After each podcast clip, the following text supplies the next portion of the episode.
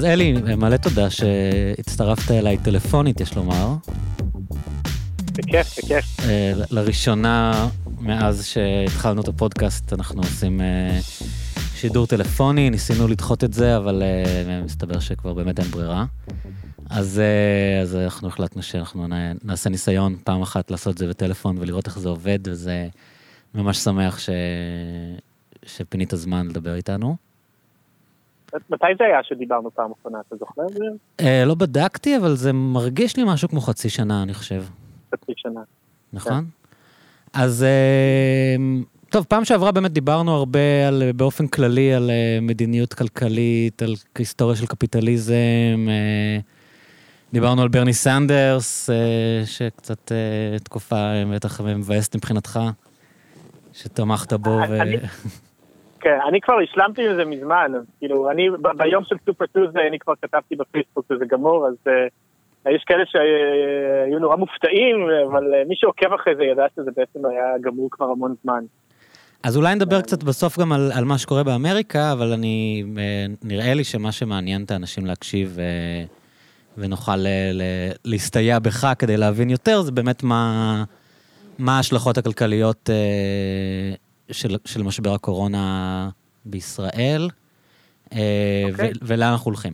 אז, אז אולי נתחיל, תראה, אני, הרבה אנשים מדברים איתי, קודם כל אני עצמאי בעצמי, ודיברתי על זה כאן, הבר סגור, אה, אין לי הכנסת כרגע בכלל. Okay. אה, אוקיי. ואני כמובן לא לבד בזה, ירון פה, שהגיע בשיא המשבר לעזור לנו לקיים את השיחה הטלפונית הזאת, בדיוק אמר לי במין השלמה שיש סיכוי טוב ששנה שלמה לא תהיה לו הכנסה עכשיו, כי הוא בעיקר מתפרנס מהופעות חיות.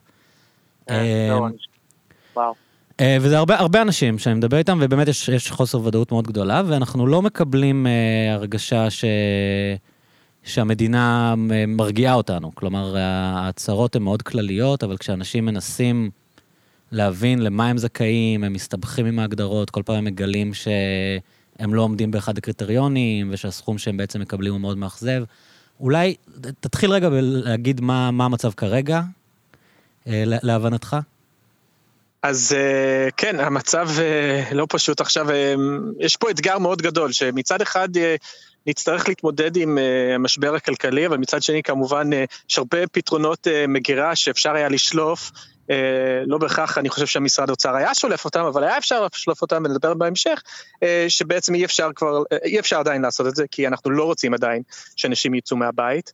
אה, אבל בסופו של דבר, אה, ציטוט שאני תמיד זוכר זה, יש אלף סיבות למה משבר כלכלי קורה בחברה קפיטליסטית, אבל בדרך כלל הפתרונות, או לפחות הפתרונות הנכונים בעיניי, הם, הם די אחידים. כלומר, אה, בסופו של דבר, חוץ מהאתגר הגדול של הקורונה, שאני מאוד מקווה שהוא זמני, ותוך כמה חודשים כן, לפחות חלקנו נוכל לצאת מהבית, יש פה... אה, פשוט אה, משבר כלכלי מאוד מאוד עמוק, שצריך להגיד שאני חושב שבהרבה מובנים ישראלים הם, הם דור ראשון, דור ראשון וחצי לבאמת קפיטליזם, שאתה יודע שאתה לחלוטין תלוי בשוק, ש, שהשוק משחק מקום די אה, מרכזי בחיים של כולנו, ורשת הביטחון היא די רעועה, מאז תחילת שנות 2000 לפחות זה ככה, ו, וכן, היה איזה משבר קטן ב-2002-2003 סביב האינתיפאדה וזה, אבל באמת אני חושב שבהרבה מובנים אה, ישראלים חווים את הדבר הזה אה, על בשרם לפעם ראשונה. ובהחלט אה, זה, זה לא קל, זה לא פשוט וזה אתגר מאוד גדול ונראה גם מה, מה זה יעשה מבחינת הפוליטיקה בארץ ואיך בכלל אנשים חושבים על כלכלה ו, ודברים כאלה. כי באיזשהו מקום עם כל זה שישראל הפכה להיות באמת, דיברנו על זה שמדינת רווחה כאן בעצם אה, התפוררה, בתפיסה העמוקה של אנשים עדיין יש את המורשת שמצפים שהמדינה תדאג להם. יכול להיות שיותר נגיד מלאמריקאים, או לא יודע, חברות קפיטליסטיות עמוקות, ש... שלא מרימות את הראש שלהם ישר לממשלה ומצפים לפתרון, פה זה מאוד מוטמע המחשבה של אם אין לי כסף אז המדינה צריכה לדאוג לי, לא?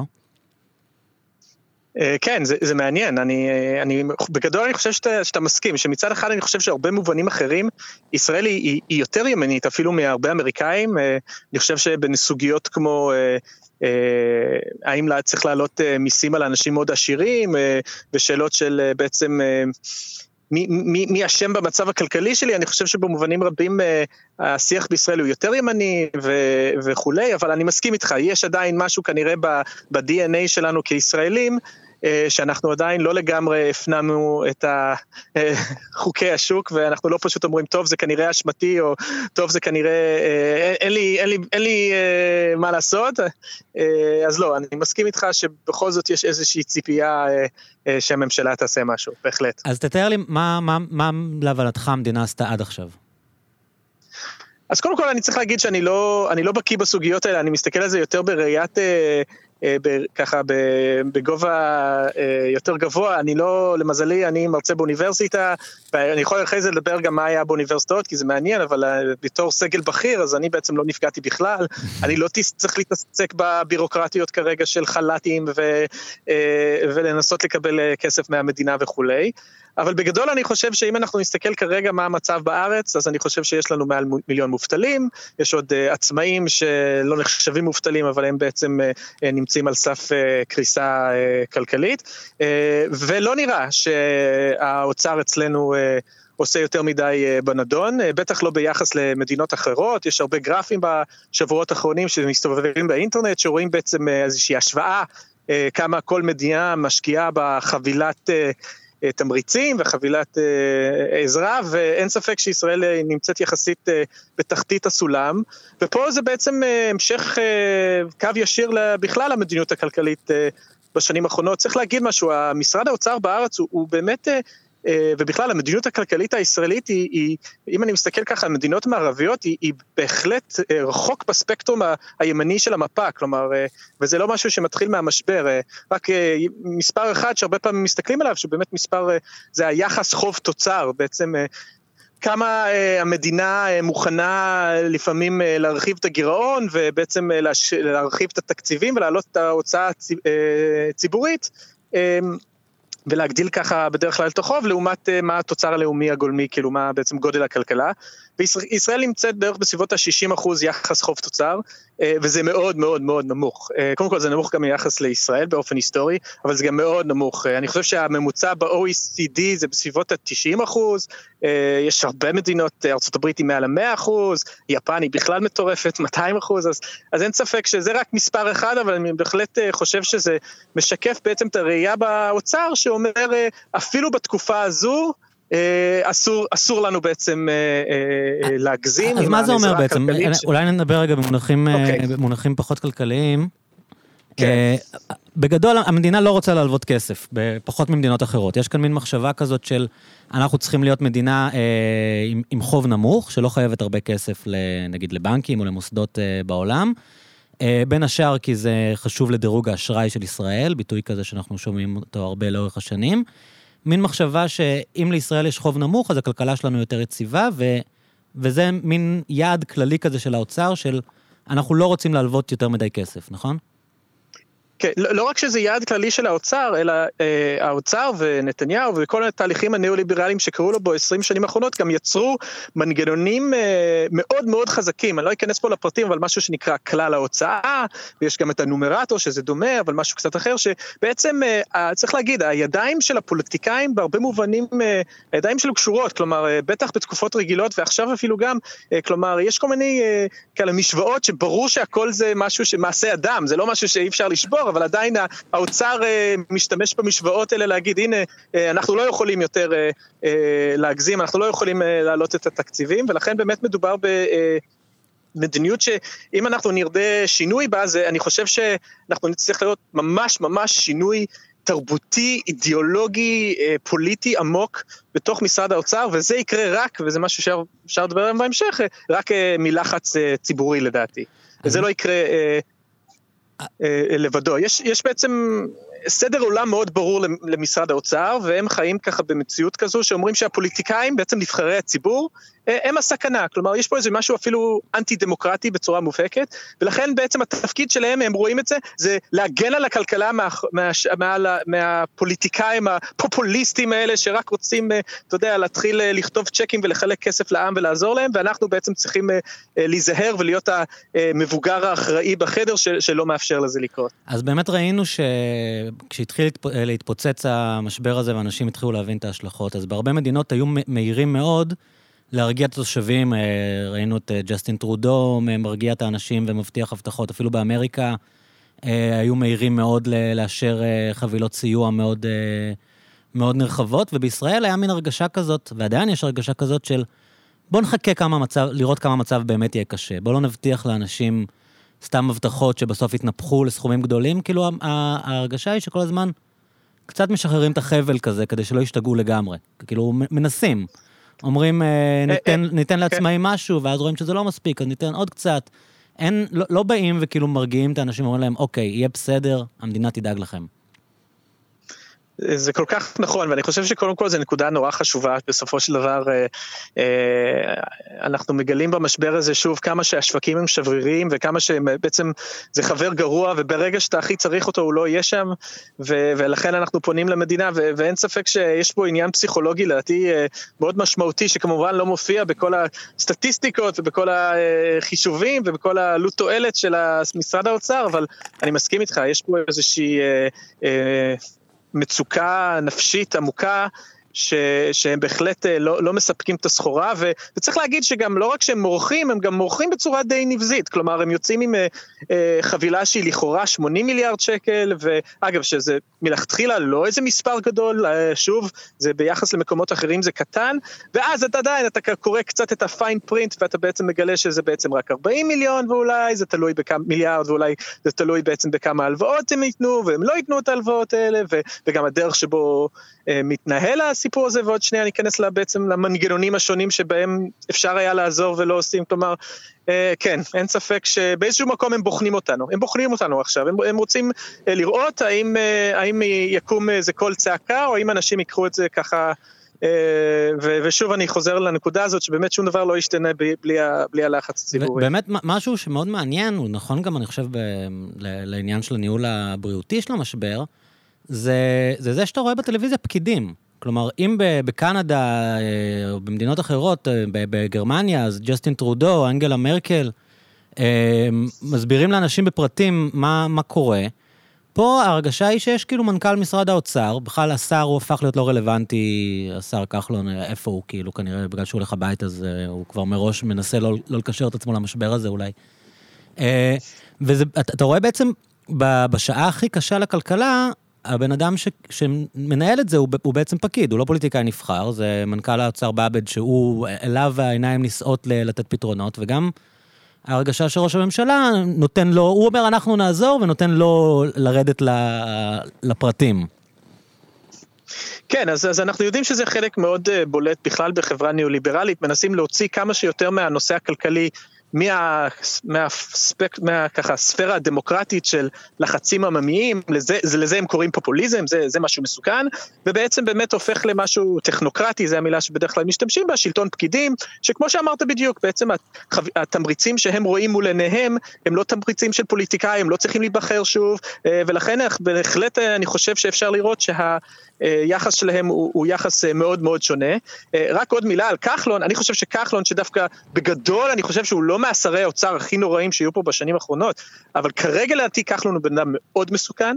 הסיבה לזה שבגלל שכחלון בעצם החליט שהוא מסיים את הקריירה הפוליטית, אז גם עליו הלחץ הציבורי לא יעבוד. לעומת זאת, אתה אמרת שכחלון הולך הביתה, אבל כחלון כמובן לא הולך הביתה, כחלון ילך למגזר הפרטי, וכל המגזר הפרטי עכשיו מסתכל עליו, ואם הוא יצא לשבת בכיסאות הנוחים של הדירקטוריונים הכי גדולים, גדולים, וסתם אה, אה, הוא יהיה מנכ"ל כמו חבר שלו גבאי, או אני לא יודע מה, אז הוא יצטרך אה, להראות עכשיו למי הוא נאמן. ואנחנו יודעים בהחלט מה הנאמנות של... המגזר הפיננסי והדיקרדונים והתאגידים הגדולים של השוק הזה, וזה לא לאנשים הקטנים, ולכן אני מאוד חושש עכשיו מכחלון, אני מרגיש שהוא לא יפעיל לחץ על באב"ד במובן הזה, אה, ובהחלט אה, מרגישים את זה, מרגישים שמדובר בשלטון פקידים, אין ספק. אוקיי, okay, אז אמרנו שהם מנסים אה, להפחית למינימום את מה, ש, את מה שהמדינה תיתן, והם בעצם אה, מנסים אה, לראות לאן הרוח נושבת וכמה הם יצטרכו לפתוח רגע, את הכיס.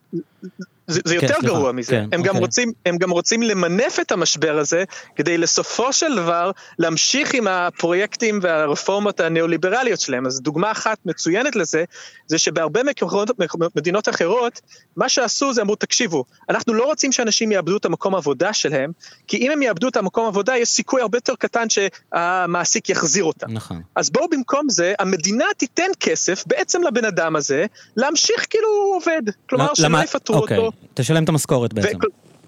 כן, עכשיו יש פה גם עניין אחר, חוץ מזה שהפחד שאנשים לא יחזרו לעבודה, וזה משחקים של כסף בתוך הממשלה, יש את ה, בעצם הכסף של הביטוח הלאומי, אוקיי? משם בעצם מגיע מאגר אה, מזומנים אה, שהולך אה, לדמי אבטלה, אה, וגם כמובן לקצבאות אם אתה לא יכול לעבוד, אם אתה... אה, מבוגר מדי וכולי ונכה וכולי וכולי.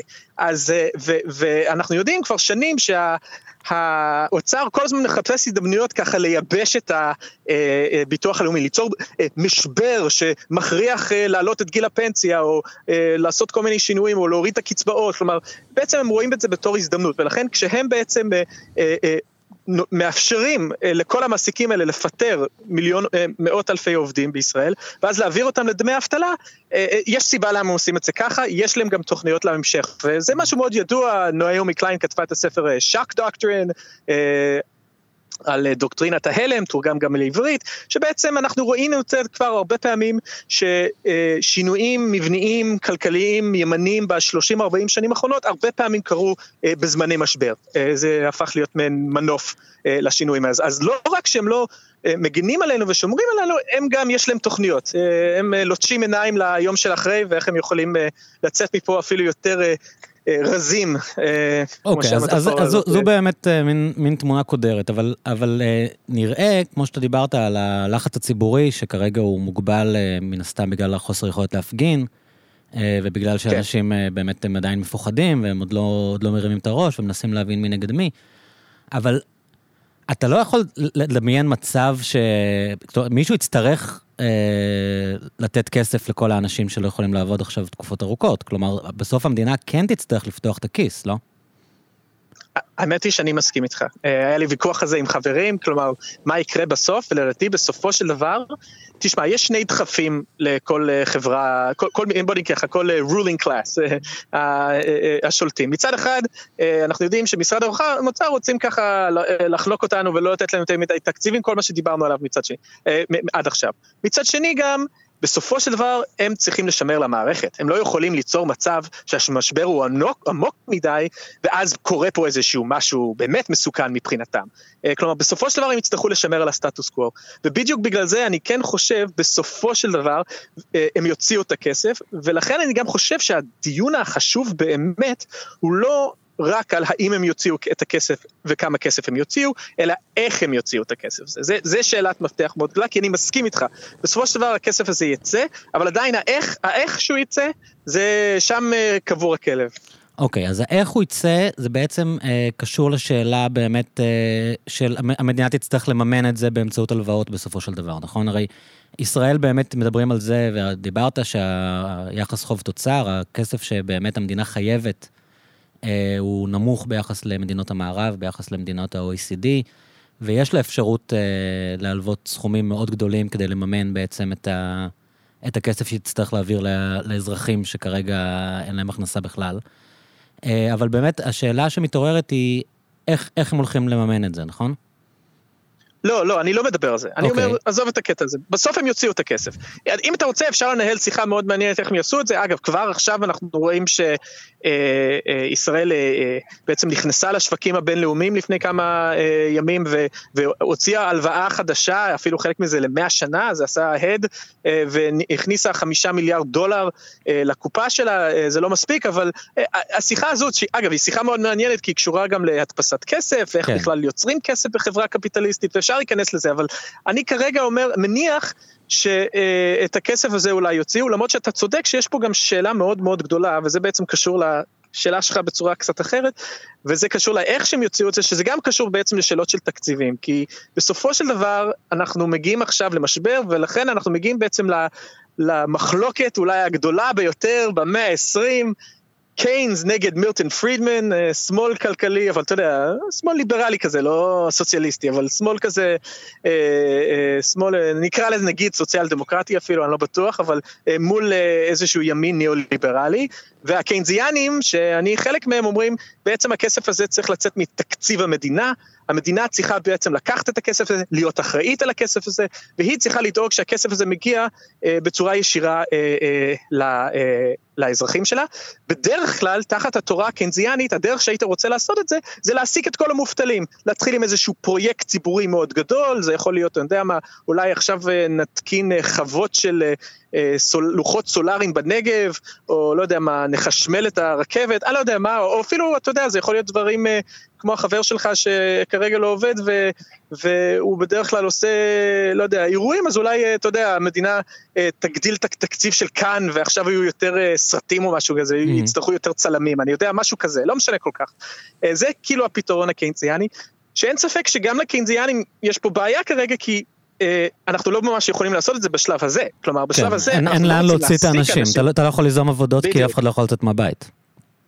בדיוק, אה, וזה, אז, אז זה, זה דבר אחד, אז בגדול כרגע הפתרון הקיינזיאני הכי פשוט הוא באמת פשוט אה, לחלק כסף אה, לאזרחים, פשוט לתת להם כסף. אה, בהמשך אני מאוד מקווה שאם אנשים יוכלו לצאת מהבית, אז ברור שהמצב הכי טוב יהיה אם כולם בסוף פשוט יוכלו לחזור אה, אה למשרות שלהם, למרות שהאמת היא אני לא יודע אם זה הדבר הכי טוב, כי יש הרבה אנשים שמרוויחים חרא בישראל ועובדי קבלן, אבל אה, נניח שזה אופציה אחרת, אופציה שנייה שתחול אולי תקום, ואז נתחיל לדבר על פרויקטים ציבוריים.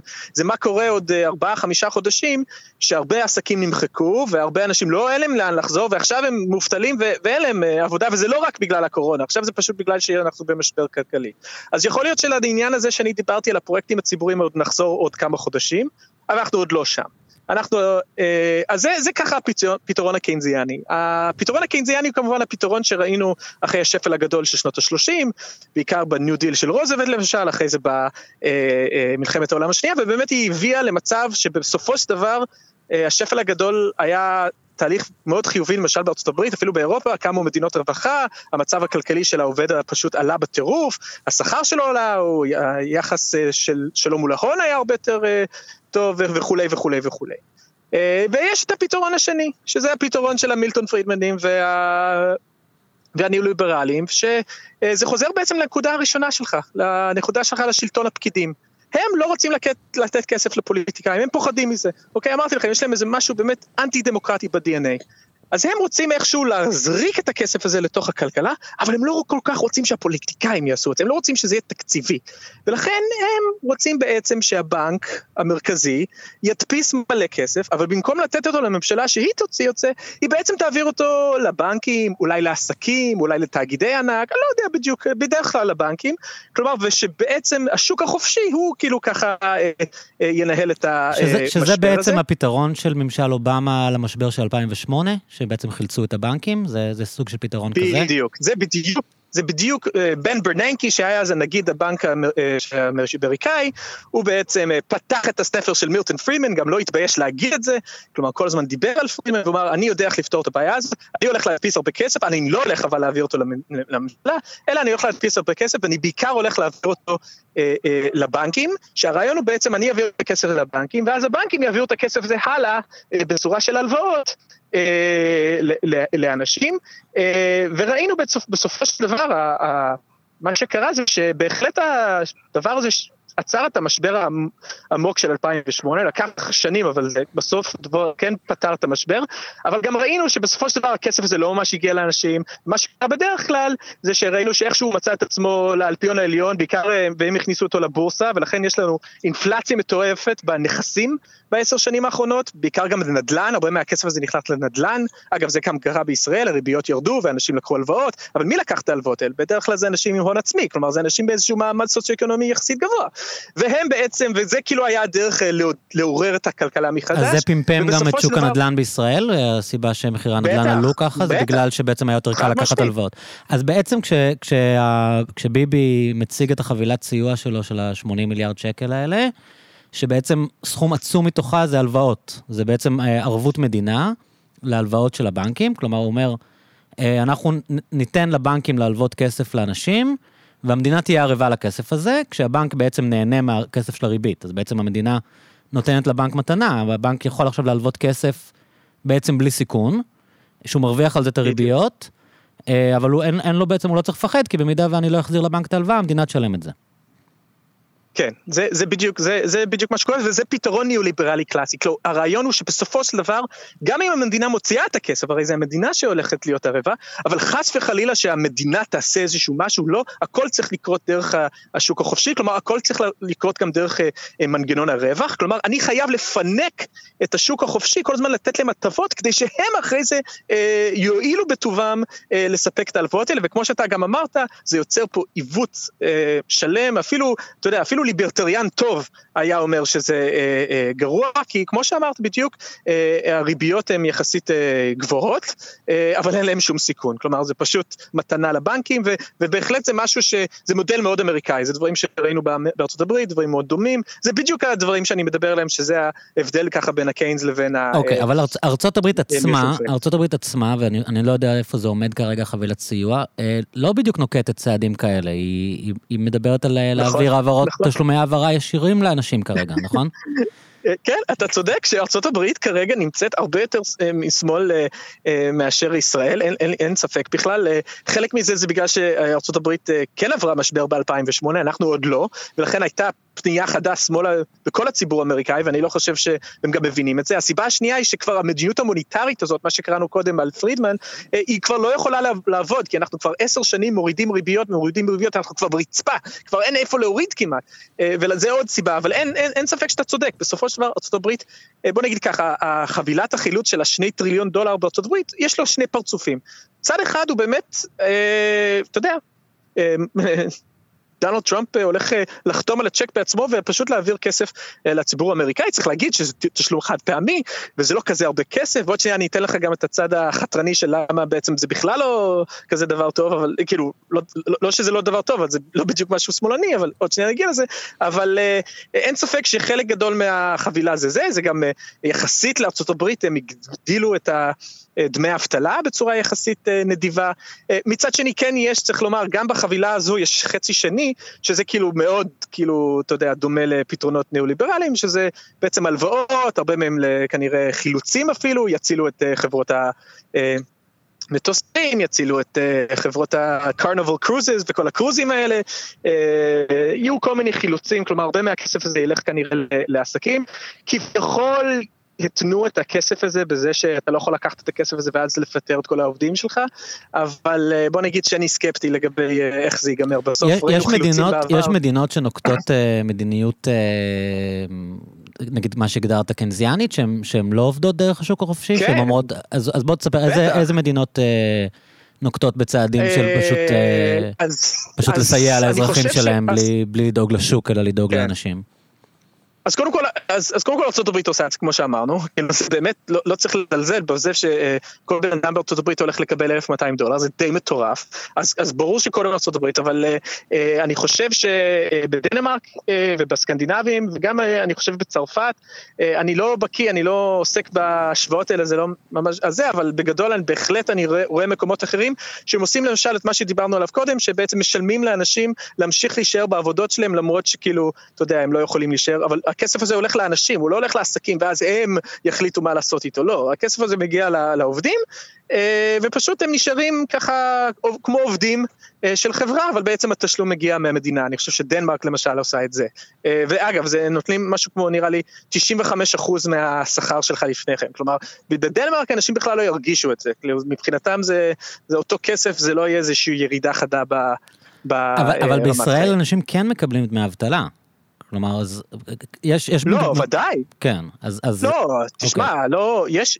לא, אבל זה חוזר לנקודה שדיברנו עליו קודם, זה הביטוח לאומי, זה הדמי האבטלה הרגילים, כלומר, זה לא איזה תוספת עכשיו, איזה משהו אה, מיוחד, וגם צריך, זה לא איזושהי חבילת תמריצים שהיא ייחודית בדיוק לתקופה הזו, ו- ו- וכולי וכולי וכולי. השאלה הבאמת, אה, ש- שבאמת אני חושב מטרידה את רוב האנשים, ואני בטוח שגם הרבה ממי שמקשיב לנו, זה באמת השאלה של עצמאים. כי, כי מה שקרה, אה, כן. תתקן אותי אחרי זה, אני אגיד לך מה, מה המחשבות שלי על העניין לא, הזה. לא, לא, בעצם, אני... בעצם בשנים האחרונות, או נגיד בעשורים האחרונים, היה אה, מעבר עצום של אנשים ללהיות עצמאים. גם אנשים שפעם היו אה, שכירים או עובדים בהעסקה ישירה, אה, אולצו לעבוד כפרילנסרים, או מצאו את עצמם פרילנסרים, אבל הם לא יזמים, הם לא אנשים שהם עצמאים קלאסיים, הם אנשים שבאו לעבוד איפשהו ואמרו להם תוציאו חשבוניות. אה, ובעצם, אני חושב שאתה בטח מכיר, אולי אתה מכיר את המספרים, אבל הכמות של עצמאים בישראל היא עצומה. כאילו, זה, זה לא, אה, אם נשווה את זה לשנות ה-80 או ה-90, שבו אה, הרוב המוחלט של המשק היה בעצם שכירים, והיו אנשים בעלי מקצועות חופשיים, יכולת להיות סוכן ביטוח, יכולת להיות עורך דין, אוקיי, אתה עצמאי. אבל היום, אתה יודע, ירון שדיברנו עליו מקודם, אה, הסאונדמן שלנו, אז הוא עצמאי, וכמעט כל אחד, אתה יודע, כל גרפיקאי, כל... כל סאונדמן, כל, כל בן אדם שעובד בהפקות, חלק, כל, חלק, חלק עצום מה, מהשוק הוא, הוא עצמאים, והאנשים האלה, בעצם הביטוח הלאומי לא דואג להם בכלל מבחינה מבנית. כאילו, עכשיו מנסים פתאום להבין מה עושים איתם, אבל אין להם רשת סוציאלית בישראל. נכון, לא, אז, אז מה שאתה מתאר זה משהו שקרה בכל, בכל העולם, כאילו כל העולם המערבי, אה, התחיל בארצות הברית, לפעמים יש לזה שמות כמו הגיג איקונומי, אבל בסופו של דבר מה שאנחנו רואים שהמעסיקים, התרבות ההעסקה השתנה מאוד ב-30-40 שנים שנים האחרונות, כלומר מתקופה שבה באמת אה, כמו ההורים שלנו היית נכנס לאיזה עבודה, כנראה נשאר שם גם, כלומר יש פה גם עניין של אה, איזשהו משהו יותר קבוע ויציב וכולי, ו... ולטוב ולרע אתה תישאר שם כנראה 30 שנה, אבל אתה תקבל כמובן את כל ההטבות ופנסיה וכולי וכולי, וזהו. אה, ובסופו של דבר מה שאנחנו רואים זה שבעיקר אה, מעסיקים אה, מכל מיני סיבות של מה שנקרא גמישות, ככה כלכלנים ידברו על זה, צריך גמישות בשוק העבודה, והם בעצם העבירו את המודל הזה למצב שבו הם עובדים עם, אה, בסוג של עובדי קבלן, נכון? זה בעצם עובדי קבלן של מעמד הביניים, אפשר להגיד, עצמאים. אה, וזה כאילו בעצם, מה שתיארת, אין שום אה, תשתית של מדינת הרווחה, זה כאילו, זה היה כל הרעיון, כאילו, that's the point שאין תשתית, זה היה לעקוף את התשתית. וכדי שאני לא אצטרך לשלם את כל האקסטרה הזה, ואני אוכל באמת רק להעביר אותך שבא לי, וכשפתאום קורה איזה משהו אני מעיף אותך, ואני לא חייב לך שום דבר. אתה לא צריך לשלם לא הפרשות סוציאליות, אתה לא צריך לשלם פנסיה, ואתה לא צריך לשלם פיצויי פיטורים כשאתה רוצה להפסיק לעבוד עם הבן אדם. וגם באיזשהו מקום זה אפילו לא יהיה לי כזה לא נעים, כי אתה, אתה לא באמת עובד כן, אצלי. כן. נכון? יש פה אפילו איזה משהו עמוק יותר, זה משהו פסיכולוגי כן, כזה. אתה לא צריך לעשות שימוע לפני אתה... פיטורים, אתה לא צריך לעשות כל הפרוצדורה, אתה מודיע לו, אה, חודש לא נצטרך את השירותים שלך, אתה יודע, כאילו, נדבר איתך כשנצטרך. תדבר איתי בעוד, בדיוק. אבל השאלה... אז סליחה. אני רק אגיד שבימים טובים, יש יתרונות לזה, אי אפשר להתעלם מהיתרונות שיש לזה, כאילו, אתה יודע, אני חושב שאולי אנשים היום, אה, חלקם לפחות אה, עושים דברים שהם מעדיפים לעשות, ולא תקועים באיזה עבודה עם האורות הפלורסנטיים האלה, באיזה אה, מקום אפור כזה, עם אנשים במשרדים שהם לא סובלים 20-30 שנה. אז בנים, בזמנים הטובים אתה יכול להבין את, אפילו את האטרקציה, איך זה, איך זה תפס. כן. אבל הדברים האלה תמיד, תמיד, תמיד הצד המכוער נחשף. ברגע שבו משהו קורה, ואז אתה, אתה, צריך אה, את הרשת ביטחון הזאת ואין לך. אז מה שכל העצמאים בארץ שואלים את עצמם, ואתם רואים את זה מאוד בקבוצות פייסבוק המאוד גועשות ובכל מחאת העצמאים, הם אומרים, אנחנו משלמים סכומים עצומים לביטוח לאומי כל שנה. חלק עצום מה, מהשכר שלנו, מה, מההכנסות שלנו הולכות לביטוח לאומי. מה ההצדקה, אפילו התיאורטית, ללא לשלם לאנשים האלה הבטחה תעסוקתית כשהם, כשאין להם הכנסה. כלומר, למה, למה עצמאי שמשלם אה, ביטוח לאומי בשיעורים מאוד גבוהים לא זכאי למה ששכיר זכאי? כלומר, אה, לפני שאני שואל אותך מה אתה חושב, איך, איך מישהו מהביטוח הלאומי יסביר לי את זה? לא יש איזה בסיס תיאורטי לזה שהם לא מקבלים? למה הם לא מקבלים? זה אמור להיות כאילו מובן מאליו. אני לא יכול לענות על השאלה הזאת. אני רק יכול להגיד לך מה נראה לי ההיגיון מאחורי זה. וההיגיון מאחורי זה, קודם כל, זה שתשנא את הביטוח הלאומי. הם רוצים שתכעס על הביטוח הלאומי, שעצמאים ישנאו את זה. אני לא כל כך בקיא בכל העולם הזה של השולמנים וכולי, הקבוצה הזאת, אבל מה שהבנתי מאנשים אחרים, זה, נוטה יותר לימין כלכלי שם, כלומר זה לא, כן. הפתרון של העצמאים האלה לא היה, אה, אה, אה, כלומר יש איזושהי סלידה מהמדינה, כן, המדינה כן, דופקת אותי. נגד רגולציה, צריך פחות רגולציה, רישוי. נכון, גם הרבה פחות רגולציות וכולי, שאגב צריך להגיד שתמיד היסטורית, התאגידים הגדולים תמיד אהבו רגולציות, כי הם היו יכולים ליישם אותם, וזה תמיד האיש הקטן שנדפק בדברים האלה. זה, יש בזה אמת, אני תמיד, הייתה לך עסקים קטנים הם בדרך כלל, היסטוריה האמריקאית, העסקים הקטנים הם בדרך כלל היו הכי ימנים כלכליים. כלומר, יש פה איזשהו משהו שהוא לא רק, אה, זה לא כזה הפתיע אותי. אבל, אבל אני חושב שגם המצב הוא כזה שאתה בעצם תרגיש ש, שדופקים אותך ושהביטוח הלאומי דופק אותך, ובעצם ה... אתה לא... ואז מה, מה האנד גיים? מה האנד גיים של האוצר? כאילו, אם כולם ישנאו את הביטוח הלאומי, אז מה הם רוצים לעשות בעצם? אה, לבטל אותו? עוד קיצוצים, כן, עוד לא, לא לבטל, לא לבטל, לא צריך להקדים, אבל בעצם להמשיך איזשהו תהליך שכבר נעשה, ובטח לא לחזור אחורה, כלומר, לדאוג שהקצבאות יהיו נמוכות, לדאוג שהפנסיות יגיעו בגיל מאוחר, להגדיל את הגיל של הפנסיה למשל זה פתרון אחד, או פשוט להוריד את הכמויות שאנשים מקבלים, כל הדברים האלה זה בעצם, והשולמנים האלה הם, הם בעצם משחקים בשבילם תפקיד אה, מעולה, כי, כי כשהפוליטיקאי הימני יגיע עוד אה, חמש, עשר שנים ויגיד שצריך אה, אפילו אולי להפריד את ביטוח לאומי, או לא יודע מה, לפרק אותו, לשנות אותו, לח... אז יש לך את כל השולמנים אומרים כן, ביטוח לאומי החארות האלה, ובצדק, אני לא יוצא נגד, נגדם בטענות, אבל בגדול אני חושב שזה הלוגיקה הפוליטית העיקרית אה, מאחורי הדבר הזה. אין, אין לי, אני מודה, אני לא עוסק בסוגיות של תעסוקה וכולי, אז אני לא, לא okay. מכיר אוקיי. את ההיסטוריה, אני לא יכול להגיד לך מה, מה היה התהליך ההיסטורי פה ש, okay, שהביא אבל, ל... אבל אחרי שאמרנו את כל מה שאמרנו, Uh, הרבה אנשים אומרים שבעצם uh, התוצאה של הדבר הזה יהיה בעצם כלכלה חדשה. יש מאמר, אני חושב שראיתי שאתה שיתפת, של Financial Times, שזה בדרך כלל בימים כתיקונם uh, כן. מגזין מאוד ימני כלכלית, שבעצם כן.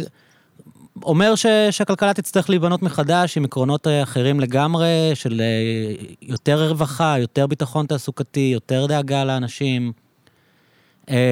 ויותר מיסים על עשירים כדי לשלם על כל זה. ויותר מיסים על עשירים כדי לשלם על כל זה. איך, איך אמורה להיראות הכלכלה הזאת כשהיא תיבנה מחדש, אם היא תיבנה מחדש, ומה הסיכויים שאתה חושב ש, ששינויים כאלה יקרו? אז קודם כל אני רוצה שנייה ספציפית זה, כן. זה, זה אתגר עם העצמאים האלה כי אני חושב שבסופו של דבר ייתכן שבכלכלה החדשה כזו אה, אין, אין הרבה עצמאים אני חושב במובן הזה אנחנו חוזרים אחורה אה, לתקופה אחרת שבה אה, אם אה, יש חברת הפקה שהם רוצים להרים כל הזמן אירועים, אז הסאונדמן שהזכרנו מקודם, אז הוא פשוט, יש לו משכורת ועבודה יציבה בתקופה הזאת, ואם חס וחלילה עוד שנתיים יש גל טרור ואין עבודה, אז הוא ממשיך לקבל את המשכורת שלו, כי בכל זאת הוא חלק מהחברה, ובעצם, שוב, הסיפור פה הוא תמיד סיפור של סיכון, על מי הסיכון, ובעצם התהליך הכי גדול שהניאו-ליברליזם עשה, גם בפנסיות שלנו וגם בכל אספקט, הוא בעצם העביר את הסיכון מהמדינה שיכולה להכיל את הסיכון הזה בצורה הרבה יותר אה, אה, גדולה וכולי, ובעצם אה, העבירה את זה, אה, או, אפילו לא הסיכון אה, למדינה, אפילו אפשר להגיד שהעבירו את הסיכון מאיזשהו אה, מנגנון של סולידריות וחברתית, הרי הביטוח הלאומי בסופו של דבר מתבסס על רעיון שמי שיכול משלם ומי שנמצא בעת צרה יקבל, אבל אה, אה, אני חושב שבגדול אני, אני לא בטוח אם העצמאים ישרדו ואני לא בטוח אם זה דבר רע, כלומר אולי חלק מהעצמאים, אתה יודע, יש, יש חריגים, אתה יודע, מישהו שיש לו בית קפה או משהו כזה, אני לא מדבר על זה, אבל הרבה מאוד אנשים שכמו שאתה תיארת בתחילת הזה, שבאמת היו יכולים לעבוד כנראה עבור איזושהי חברה, פשוט להיות שם, ו... ואולי זה אפילו אה, אה, שעות קצת יותר נוחות, ו... ועובדים קצת פחות, וזה קצת פחות טירוף גם, אולי זה גם אספקט של זה, אבל בהחלט זה, אני חושב שזה חלק, חלק מה, אבל מה עם אנשים פה. שהם פרילנסרים בהגדרה? נגיד אני מוזיקאי, אני לא יכול, אה, אני די-ג'יי, אני לא יכול לתקלט רק במועדון אחד. אני לא יכול... כן, אני... אתה יודע, אני גרפיקאי, יש לקוחות שונים, כאילו, אתה אומר, לכל, אתה יודע, רוב האנשים לא יכולים להשיג גרפיקאי במשרה מלאה, הם צריכים מישהו שיעשה להם שלוש עבודות גרפיות בחודש, והבן אדם הזה צריך למצוא לעצמו עוד לקוחות כדי להתפרנס, מה שקראת באמת הגיג אקונומי. אז, אז אני חושב שבשביל אנשים כאלה באמת, אז צריך ליצור מצב שבאיזשהו מקום יש איזשהו מנגנון שהמדינה היא זו שמספקת להם את זה, או, אתה יודע מה, אולי יכול להיות אפילו איגוד, איגוד ה... לא יודע מה, מה אמרת, איגוד המוזיקאים או איגוד הזה, איזשהו משהו כזה, אבל קודם כל המדינה תצטרך באמת, אה, אה, אתה יודע, אה, לספק אה, תשתית הרבה יותר... אה, אה בריאה וטובה בשביל האנשים האלה שהם יוכלו אה, אה, לקבל את הרבה מההטבות האלה דרך, דרך המדינה, שזה אומר כמובן דמי אבטלה הרבה יותר נדיבים, זה אומר אה, אה, מדיניות פנסיה הרבה יותר טובה, אה, למרות, למרות שתכלס ההבדלים בין הפנסיות היום הם לא כאלה גדולות, כי גם אנשים שהם שכירים, הפנסיה שלהם בעצם נמצאת בבורסה והיא גם בשוק החופשי, כלומר זה לא שהם אה, מקבלים כמו פעם אה, פנסיות תקציביות שהסיכון הוא על המעסיק או המדינה, אבל בכל זאת זה הבדל. אה, אבל אני רוצה גם להגיד משהו בנושא הזה שהוא מאוד חשוב, וזה העניין של האשראי. כי בסופו של דבר, עסקים קטנים, מה שהם צריכים זה אשראי. זה, זה בעצם ה, ה, ה, הסיפור הכי גדול פה מבחינתם, לדעתי. ו, ופה באמת צריך להתחיל לדבר על מודלים של אשראי שהם הרבה מעבר למה שאנחנו מדברים עליו עכשיו, וזה דברים אגב שאנשים חוקרים הרבה שנים ומדברים על זה, ובראש הראשונה אה, הפתרון אחד יכול להיות שבטח בזמן משבר, המדינה, או אפילו בנק ישראל, צריך פשוט אה, בעצם לפ... לתפקד כבנק לכל דבר, במקום, כמו שאתה דיברת קודם, על כל הערבויות האלה ואיך שעושים את זה דרך ה... לא, אה, אני לא חושב שזה מופרך, אה, ויש הרבה רעיונות על זה שצצים עכשיו גם בכל העולם, אה, בעצם ליצור איזשהו מנגנון שבזמן המשבר הזה למשל, אה, אה, עצמאי יוכל לקבל אה, הלוואה ללא ריבית. מהמד... או מהמדינה בריבית- ישירות, לא דרך הבנק שהמדינה ערבה. או, או, או במקרה הזה, אני לא יודע אם זה אפילו מהמדינה, אולי זה מבנק ישראל. אולי צריכים לפתוח סניפים של בנק ישראל, כמו שיש בנק הפועלים ובנק לאומי, יש סניפים של בנק ישראל. פתח אותו תוכל להיכנס. אגב, יש כאלה שאומרים שזה יכול להיות בדואר, יש כאלה תוכניות, שנים, הרעיון של בנק הדואר, שיכול לשמש כאיזושהי... אה, אה, מוקד אה, לאיזשהו בנק ציבורי וכולי, הפרטים פה פחות אה, אה, רלוונטיים בעיניי, השאלה פה זה התמונה הגדולה, ובעצם ככה אתה יכול לעקוף את הבנקים ולספק לאנשים את האשראי הזה ב... בריביות הרבה הרבה יותר נמוכות, כי צריך להגיד, גם בימים רגילים הבנקים דופקים אותנו ממש, כי, כי אנחנו כבר עשר שנים במצב שבו הריביות מאוד מאוד נמוכות, אבל זה לא תמיד משתקף ככה בריביות של הבנקים, כלומר הבנקים הם מקבלים כסף סופר זול מבנק ישראל, הם לוקחים הלוואות, ב, אתה יודע, ריבית של פחות מאחוז, אבל אז הם מסתובבים ולוקחים את הכסף הזה ומחלקים אותו לעצמאים בריביות הרבה יותר אה, גבוהות. אז נכון. לדעתי אה, רעיון אחד. עכשיו כמובן שצריך להיזהר פה, בנקי, אה, כאילו הלוואות, זה יכול ליצור אה, בועות אשראי וזה יכול ליצור אה, גם אינפלציה, אבל כרגע אני בכלל לא מודאג לדברים האלה. מבחינתי, אגב, אם בסופו של דבר יהיו אנשים שלא יוכלו להחזיר את הקרן, זה עדיין תוכנית טובה. כלומר, אה, זה... זה ואגב, יש, יש גם כאלה דברים שקורים עכשיו בארצות הברית. חלק מהכסף בתמריץ של ארצות הברית זה בעצם סוג של הלוואות לעסקים קטנים, שדי ברור שאם בסוף הם לא מפטרים אף עובד, או אם הם ככה, אבל אין להם את הכסף, אז הם יכולים אה, אה, להחזיר רק חלק מהקרן, או לעשות, לפרוס את זה, כלומר, משהו באמת הרבה יותר אה, אה, אה, גמיש, ו... כי זה בעצם לא למטרות רווח, וזה כמובן ההבדל העיקרי פה. המטרה של המדינה זה לא לגזור עליך קופון, המטרה של המדינה זה לספק לך אה, אשראי שאתה תוכל אה, אה, גם לשרוד את התקופה הזו אולי, וגם אחרי זה אה, לפתח את העסק שלך כמו שאתה רוצה. ולכן הפוליטיקה של האשראי, זה משהו שאני עוסק בו הרבה, אני חושב שזה גם משהו שצריך להשתנות. אנחנו צריכים לחלוטין להפסיק אה, אה, ככה להתעסק ב... אה, אה, מודל הבנקאי שיש לנו עכשיו, ובאמת להתחיל לחשוב על אה, רעיונות אחרים, מקוריים, אה, אה, שאפשר לבנות איזשהו מודל אשראי הרבה יותר שוויוני, הרבה יותר טוב, והרבה פחות רווחים לבנקים. אתה חושב שכשהמשבר הזה ייגמר יום אחד, אז באמת תהיה כאן חברה יותר שוויונית? כלומר, שוק הנדל"ן יכול לקרוס, מחירי הדיור יכולים ליפול משמעותית. אה, הרבה טייקונים, כבר עכשיו אנחנו רואים אותם מתרסקים. מצד שני, יכולה להיות רפורמה רצינית בשירותי הרווחה. אתה חושב ש, שתהיה חברה אחרת? אה, נגיד באר- בארצות הברית, אה, הרעיון של ביטוח בריאות ממלכתי הופך להיות הרבה יותר פופולרי, אני מניח, בעקבות המשבר הזה. כלומר, אתה חושב שקצת כמו שדיברת על המשבר הגדול, על השפל הגדול במלחמת העולם השנייה, שיצרה את מדינת הרווחה, יכול להיות שאחרי אחרי הקטסטרופה שאנחנו בעיצומה, נצא לחברה שתתנהל כלכלית אחרת? אה, שאלה מעולה. אני חושב שבטווח הארוך הייתי אומר שיש סיכויים מצוינים שכן. אבל זה הטווח הארוך, והדברים האלה יכולים לקחת הרבה זמן. לא רק זה, גם אני, אחת הסיבות למה אני חושב שבטווח הארוך זה יקרה, בגלל שאני חושב שבטווח הקצר הולך להיות מאוד מאוד קשה.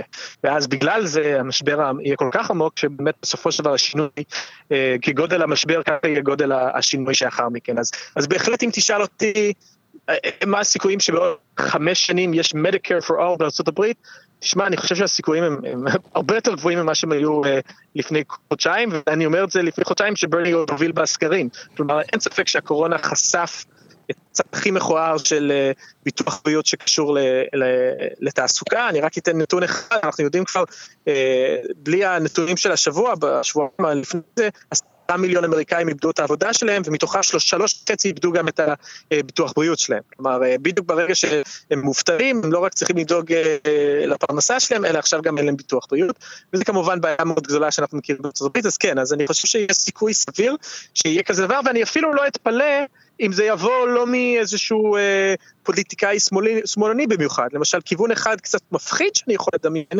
זה איזושהי הידרדרות לימין פופוליסטי, אבל ימין פופוליסטי יותר חכם ממשהו עכשיו, כי הימין הפופוליסטי עכשיו הוא כרגע בסופו של דבר ימין פופוליסטי גזעני וזה, אבל הוא עדיין מאוד ניאו-ליברלי, כלומר הוא בסופו של דבר, מה טראמפ עשה? הוא הוריד את המיסים של העשירים.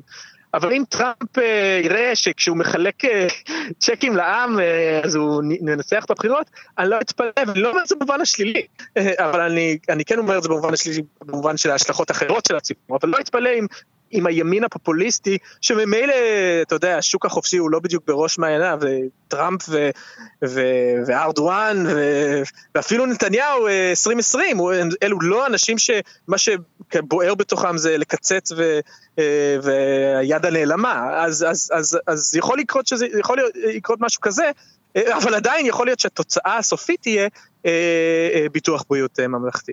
אמ, אז בהחלט, אבל, אבל אני חושב שלפני זה אה, יהיה, יהיה פה משבר מאוד קשה, ואחת הסיבות שאני חושב שיהיה פה משבר מאוד קשה, זה לא רק עניין של הרצון הפוליטי של נערי האוצר וכולי, אבל אני חושב שגם אין תשתית, כלומר, אה, כשאתה ככה מכרסם במדינת הרווחה מבפנים כל הזמן, מכרסם עוד ועוד, אז לא יכול פשוט to flip a switch ופתאום הכל יחזור כפי שהוא היה. ולכן אני חושב שמחכה לנו באמת, אה, אה, אני אומר את זה גם ארצות הברית, גם בישראל, אה, תקופה כלכלית מאוד מאוד קשה, אבל כן אני מניח שיצא ממנה מציאות אחרת. אני כן מאמין שמה שהמאמר הזה בפייננשל טיימס שמדבר על מיסי עושר על מיליארדרים, אני, אני חושב שלמשל משהו כמו אי שוויון בסופו של דבר כן ירד. במש... אחרי המשבר. בישראל אתה, אתה מדמיין שכשאנשים יוכלו לצאת לרחוב, אז תהיה כאן, אה, הרבה מדברים על זה שהמחאה החברתית שתהיה כאן היא תהיה אה, לאין שיעור יותר גדולה מהמחאה של 2000, 2011. אה, ושאנשים לא הולכים, לא הולכים להשלים כאילו עם, אה, עם המצב הזה ש, שפשוט לקחו להם הכנסה של חצי שנה או כמה זמן שזה ייקח.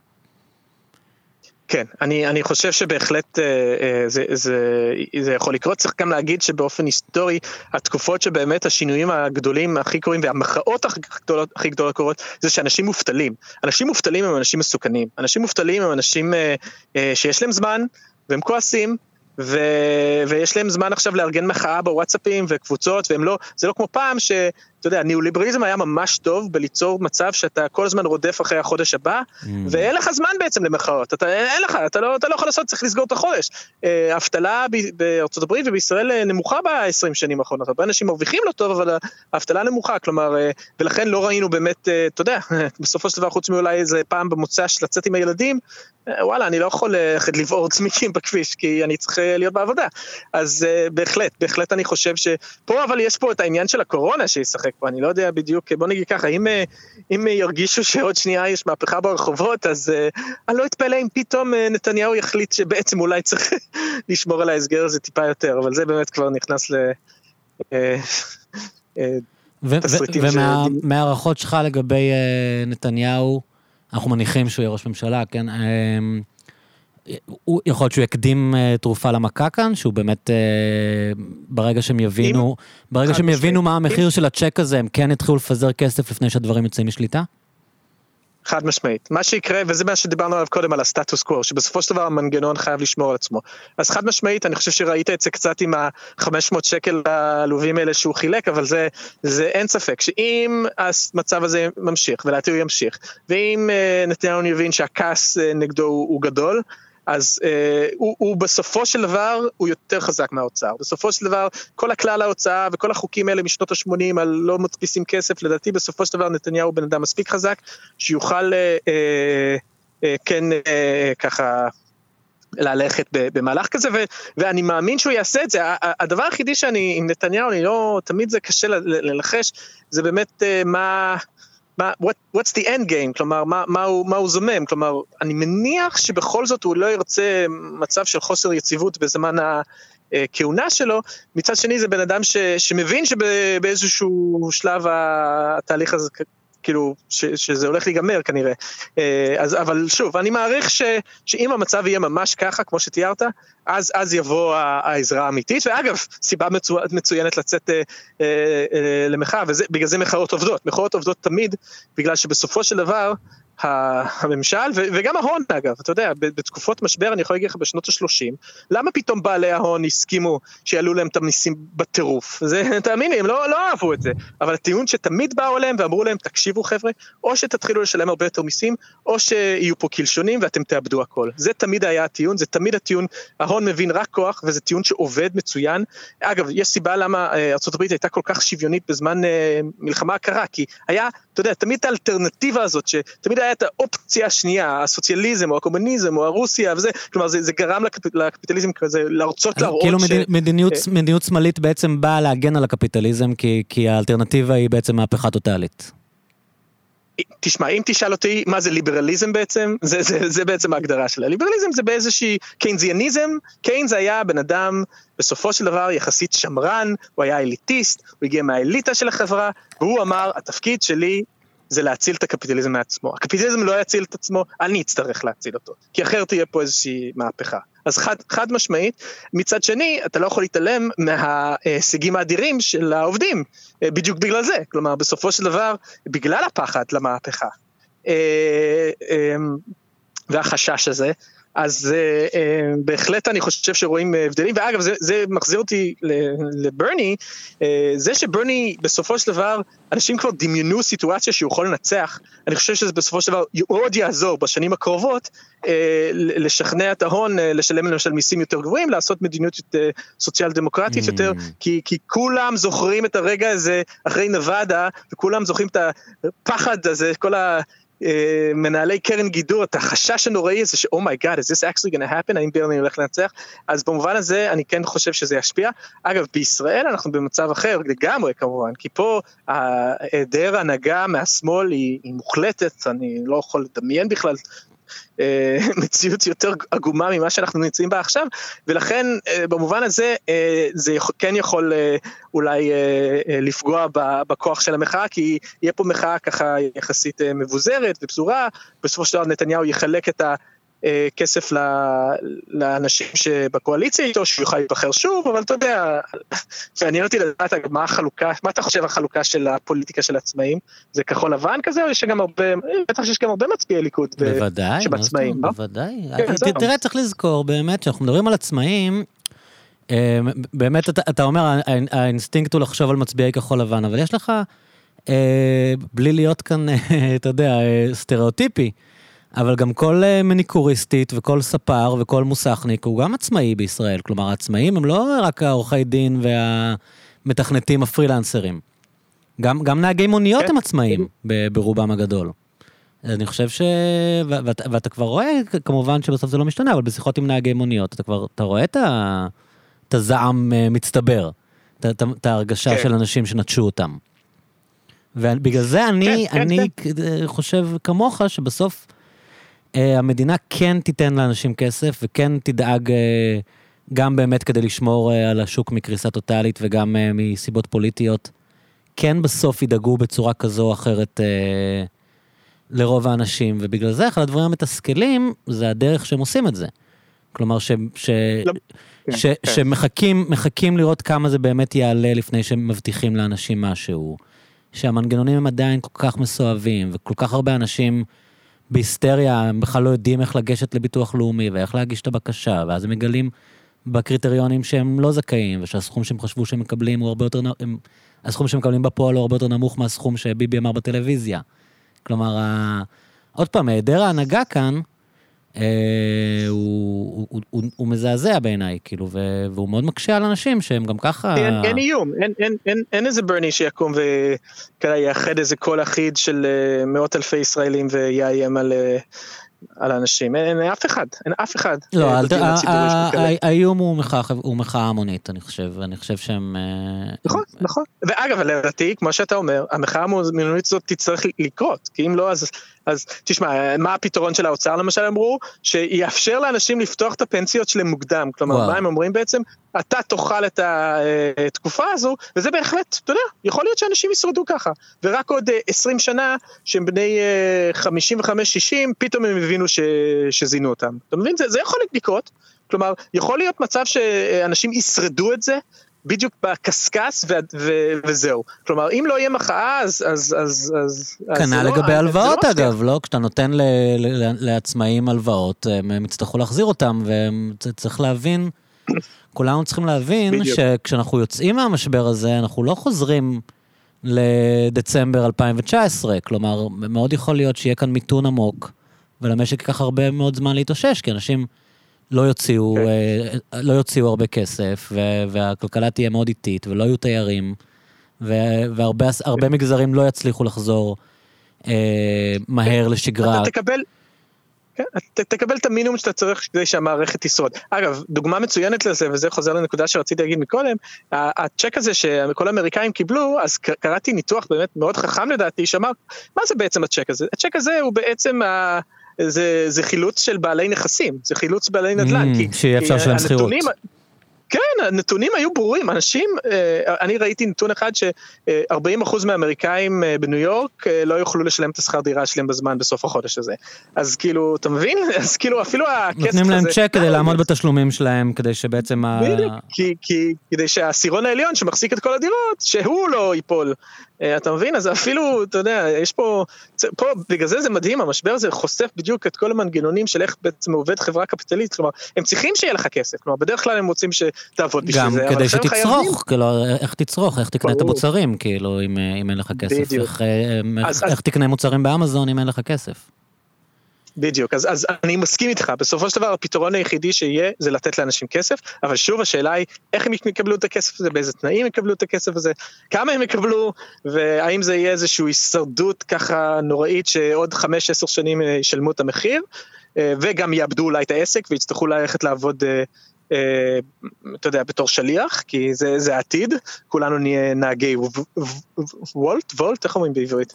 כן, אה, זה בפינית, אז אולי זה וולט, אבל רוב האנשים אומרים וולט. הפינים? וואי, אני מוחסב מהפינים שהם אה, מאחורי הדבר, הדבר הזה, אבל אה, אה, כן, אה, אז, אז אתה מבין, זה, זו, זו השאלה, על, על זה המחאה.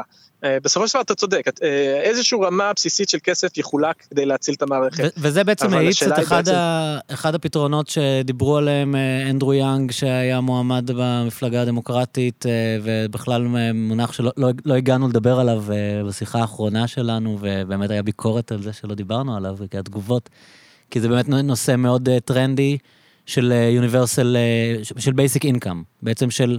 כן, דיברו על זה הרבה לפני המשבר, התחיל, התחיל מין טרנד כזה של במצב הקיים, בכלכלה החדשה, עם האוטומציה הגבוהה, עם ההבדלים, אה, עם הפערי, עם הפערי שכר, המדינה תצטרך לתת לאנשים כסף כדי פשוט לשמור אנשים מעל המים, לשמור אנשים שהם יוכלו להמשיך אה, לצרוך ולהניע את, ה, את הכלכלה. אז הדבר הזה, שהיה כן. נחשב רעיון פרינג'י אה, בשוליים עד לפני שנתיים, בעצם הפך להיות, אה, קודם כל כבר קורה, והרבה אנשים חושבים שהוא ימשיך אה, אחרי המשבר. כן, אז, אז, אז Universal Basic Income זה מעניין כי יש לזה צד שמאלני ויש לזה צד ימני. אז אה, יש המון ליברטריאנים שנורא התלהבים מהרעיון של UBI, ומה שהם חולמים זה מצב שבו אה, במקום שיהיה מדינת רווחה, במקום שיהיה בכלל מדינה, אפשר למחוק את כל זה, ופשוט לחלק לאנשים כסף, ושהכל יהיה שוק חופשי, הכל אתה Mhm. תקנה בשוק החופשי. כלומר זה בסופו של דבר האנד גיים, ובגלל זה, זה, זה באיזשהו מקום מוצא חן ביניהם, ובסופו של דבר אני חושב שזה מוצא חן ביניהם גם, וזה סיבה גם שטראמפ יכל לעשות את זה, ואנדרו יאנג, שהוא כזה סיליקון ואלי, אגב גם מרק זקרברג דיבר על זה, נכון. זה כזה קטע כזה של הניאו-ליברליזם הקליפורני הזה, ה- אפשר לקרוא לזה אולי אפילו אה, left libertarianism, יש, כאלה שקוראים לזה ככה, אבל אה, למרות שזה לא בדיוק שמאל לדעתי, אבל לא משנה, אבל איזשהו רעיון שכאילו אה, אה, אה, אה, אנחנו לא בעד פתרונות מדינה אף פעם, אבל מצד שני אני רוצה שיהיה כסף לאנשים שימשיכו אה, אה, לקנות דברים כדי שאני אמשיך לקבל, אם אני מרק זוקרברג למשל, את הפרסומות, אה, כסף פרסום בפייסבוק, וכל מיני דברים כאלה, כלומר איזשהו רעיון שבאמת קוסם לאנשים שאפשר לחלק להם אה, כסף ואז ככה אה, פשוט לפתור את כל הבעיות האלה.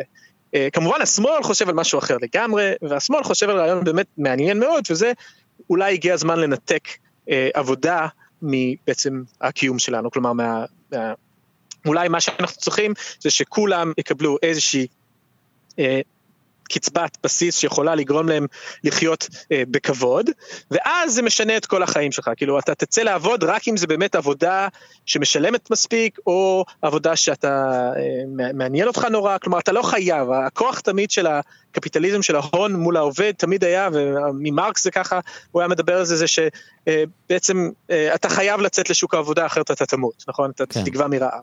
אז, אה, אז, אז באמת הרעיון של השמאל של ה-UBI, שאני חייב להגיד, לומר, גם קוסם לי, זה באמת הרעיון הזה של בעולם שאולי באמת יש הרבה רובוטים והרבה אוטומציה, כמו שאמרת, אנשים לא צריכים לעבוד, אז באמת מה שנעשה זה פשוט כולם יקבלו איזושהי קצבה בסיסית.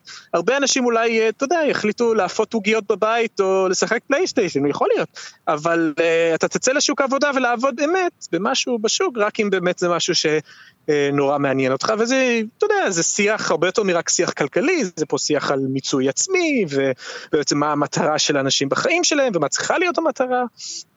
אמ, אני חייב להגיד שאני קצת סקפטי לגבי הצד השמאלני של זה, אם זה לא מגיע גם עם שינויים אחרים. Mm-hmm.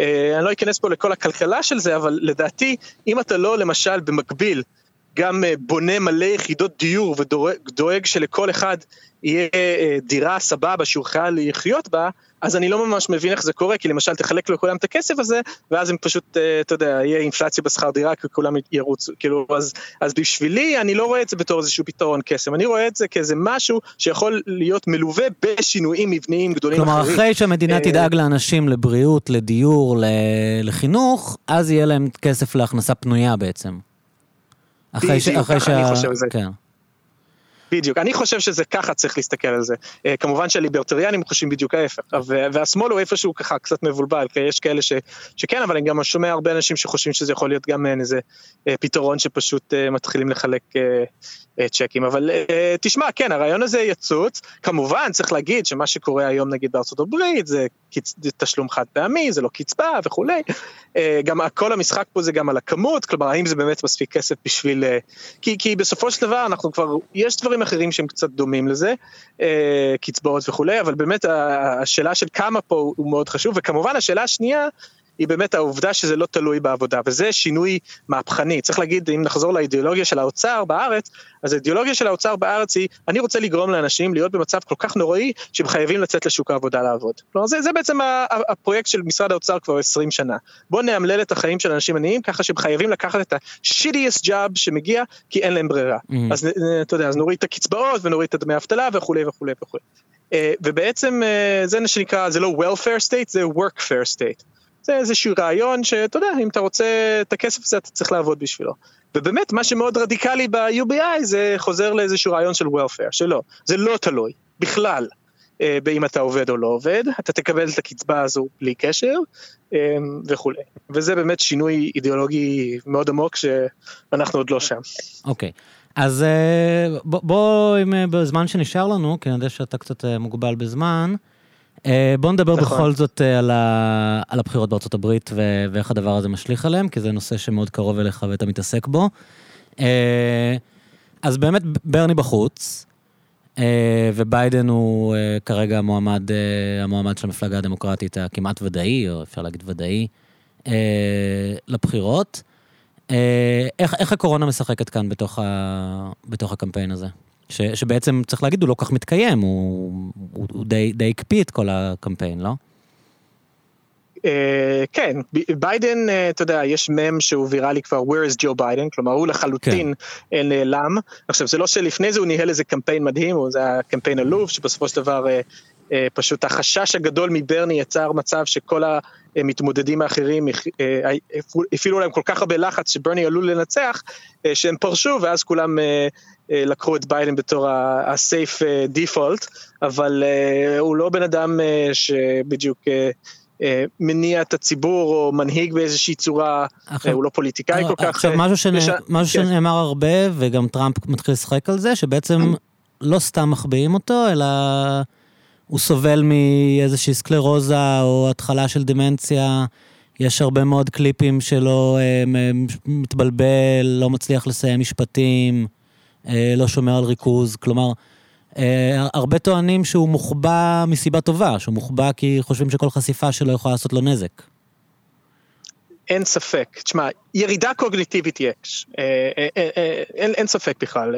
באמת יש רגעים שבו אתה פשוט עומד מולך איש זקן ומבולבל, ואתה רואה את זה ואתה מרגיש את זה וזה, וזה ברור. אה, אני, לעומת זאת, אני כן אה, לא חושב שאנחנו עדיין במצב של איזושהי דמנציה כזאת אה, חריפה מאוד, שבאמת אנחנו באיזה סרט ככה, קונספירציה, שהוא בקושי מבין מה קורה סביבו, ואחרים מנהלים את, ה, את כל הקמפיין, והוא איזה בובה על חוט של ה-66 מיליארדרים שתרבו לו כסף. אז we're not there yet. אבל אין ספק, בוא נגיד ככה, את ה debate האחרון של ברני הוא שרד בסופו של דבר. כן. אה, היו איזה כמה רגעים מבלבלים, אבל הוא שרד את זה, בסופו של דבר ביידן נתן את המינימום שהיה צריך והוא שרד את זה ו- וכולי. אה, וצריך להגיד שטראמפ אגב, כבר משחק על זה, מי שראה את אחת המסיבות העיתונאים האחרונות של טראמפ, שאמרו לו, אה, שמעת מה ביידן אמר, אז התגובה שלו הייתה... אה, אני לא חושב שהוא אמר את זה, אני לדעתי אני בכלל, לא, הוא בכלל לא מבין מה הוא אומר, אנשים כותבים לו מה להגיד, לדעתי הוא בכלל לא מסוגל להבין מה, מה כותבים לו, או משהו כזה. כלומר, ברור כן, שזה כן, הולך כן, להיות, זה הולך להיות קו מאוד רציני בקמפיין של טראמפ, בכלל לא להתייחס למדיניות, אלא פשוט להגיד, הבן אדם הזה לא כשיר להיות נשיא. כן. אגב, טראמפ, sidetrack, uh, טראמפ יש איזה, כאילו, הוא מדבר על זה הרבה, יש לו איזה אידיאולוגיה שלמה, או לא אידיאולוגיה, איזו תיאוריה שלמה של כאילו אנרגיות, הוא כל הזמן מדבר על אנשים, יש אנשים אנרגטיים ויש אנשים לא אנרגטיים, אה, the low energy ו-high energy, ככה הוא הרבה פעמים מגדיר, oh he's a low energy person, הוא כל הזמן מדבר בשפה הזו, הכינוי שהוא נתן לביידן זה סליפי ג'ו, כן. כלומר אה, בהחלט אה, לטראמפ יש איזושהי ראיית עולם כזו שקשורה מאוד לאנרגטיות וזה, אולי בגלל זה הוא גם לא שותה אלכוהול הפעם, יש לו איזה משהו עם זה, אז, אז, אבל כן, אין ספק שזה הולך להיות... אה, חזק מאוד. אה, והדבר השני הכי משמעותי פה כמובן זה שאחרי הקורונה, כמו שאתה אמרת, יש איזושהי התעוררות שאומרת, וואו, אולי מדיקר פאר זה בעצם כן וכולי, אבל מצד שני אנחנו יודעים שזה לא יעזור לג'ו ביידן, כלומר ג'ו ביידן הוא לא, לא בן אדם שתמך ב-Medicare for All ועד עכשיו לא, כלומר זה לא ש... אבל אתמול הוא כתב איזשהו, הוא כתב איזשהו טוויט שנתפס כמין... אה, איתות שמאלה, שהוא אמר, אף אחד לא צריך לשלם על, אה, על coronavirus, או אף אחד לא צריך לשלם על טיפול בנגיף, כאילו. כן, נכון, נכון, אה, הוא, הוא אמר את זה, וזה, וזה טוב שהוא אמר את זה, כמובן שמיד זה עלה על שלו, אבל רגע, מישהו עם סרטן כן צריך לשלם, כאילו, אז, אז אבל כן. בהחלט, זה, זה אמירה חשובה, ואני שמח שהוא אמר את זה. אה, מה, מה זה אומר בכלל? זה לי נשמע כמו איזשהו משהו ש... אגב, צריך להגיד, ביידן הוא, הוא שקרן מצוין, ביידן משקר mm-hmm. כל הזמן. Mm-hmm. במובן הזה הוא לא כל כך, הוא עושה את זה בצורה אחרת, אבל אתה יודע, יש קליפים שביידן מדבר על זה שהוא רוצה להפריט את הביטוח הלאומי, ברני הראה את זה כל הפרסומות. אה, ביידן שהוא ענה לזה, זה היה מאוד מעניין לראות, הוא, רואים איך העולם של טראמפ ככה עבר גם אה, לכל הפוליטיקאים, הוא, הלקח היום נראה לי של ככה פוליטיקאים זה אף פעם לא תודה, כאילו תגיד לא, לא, זה לא, לא, לא אמרתי את זה, לא אמרתי את זה. אה, אז, אז, אז במובן הזה הוא לא, אני לא בדיוק מאמין לדברים שהוא אומר.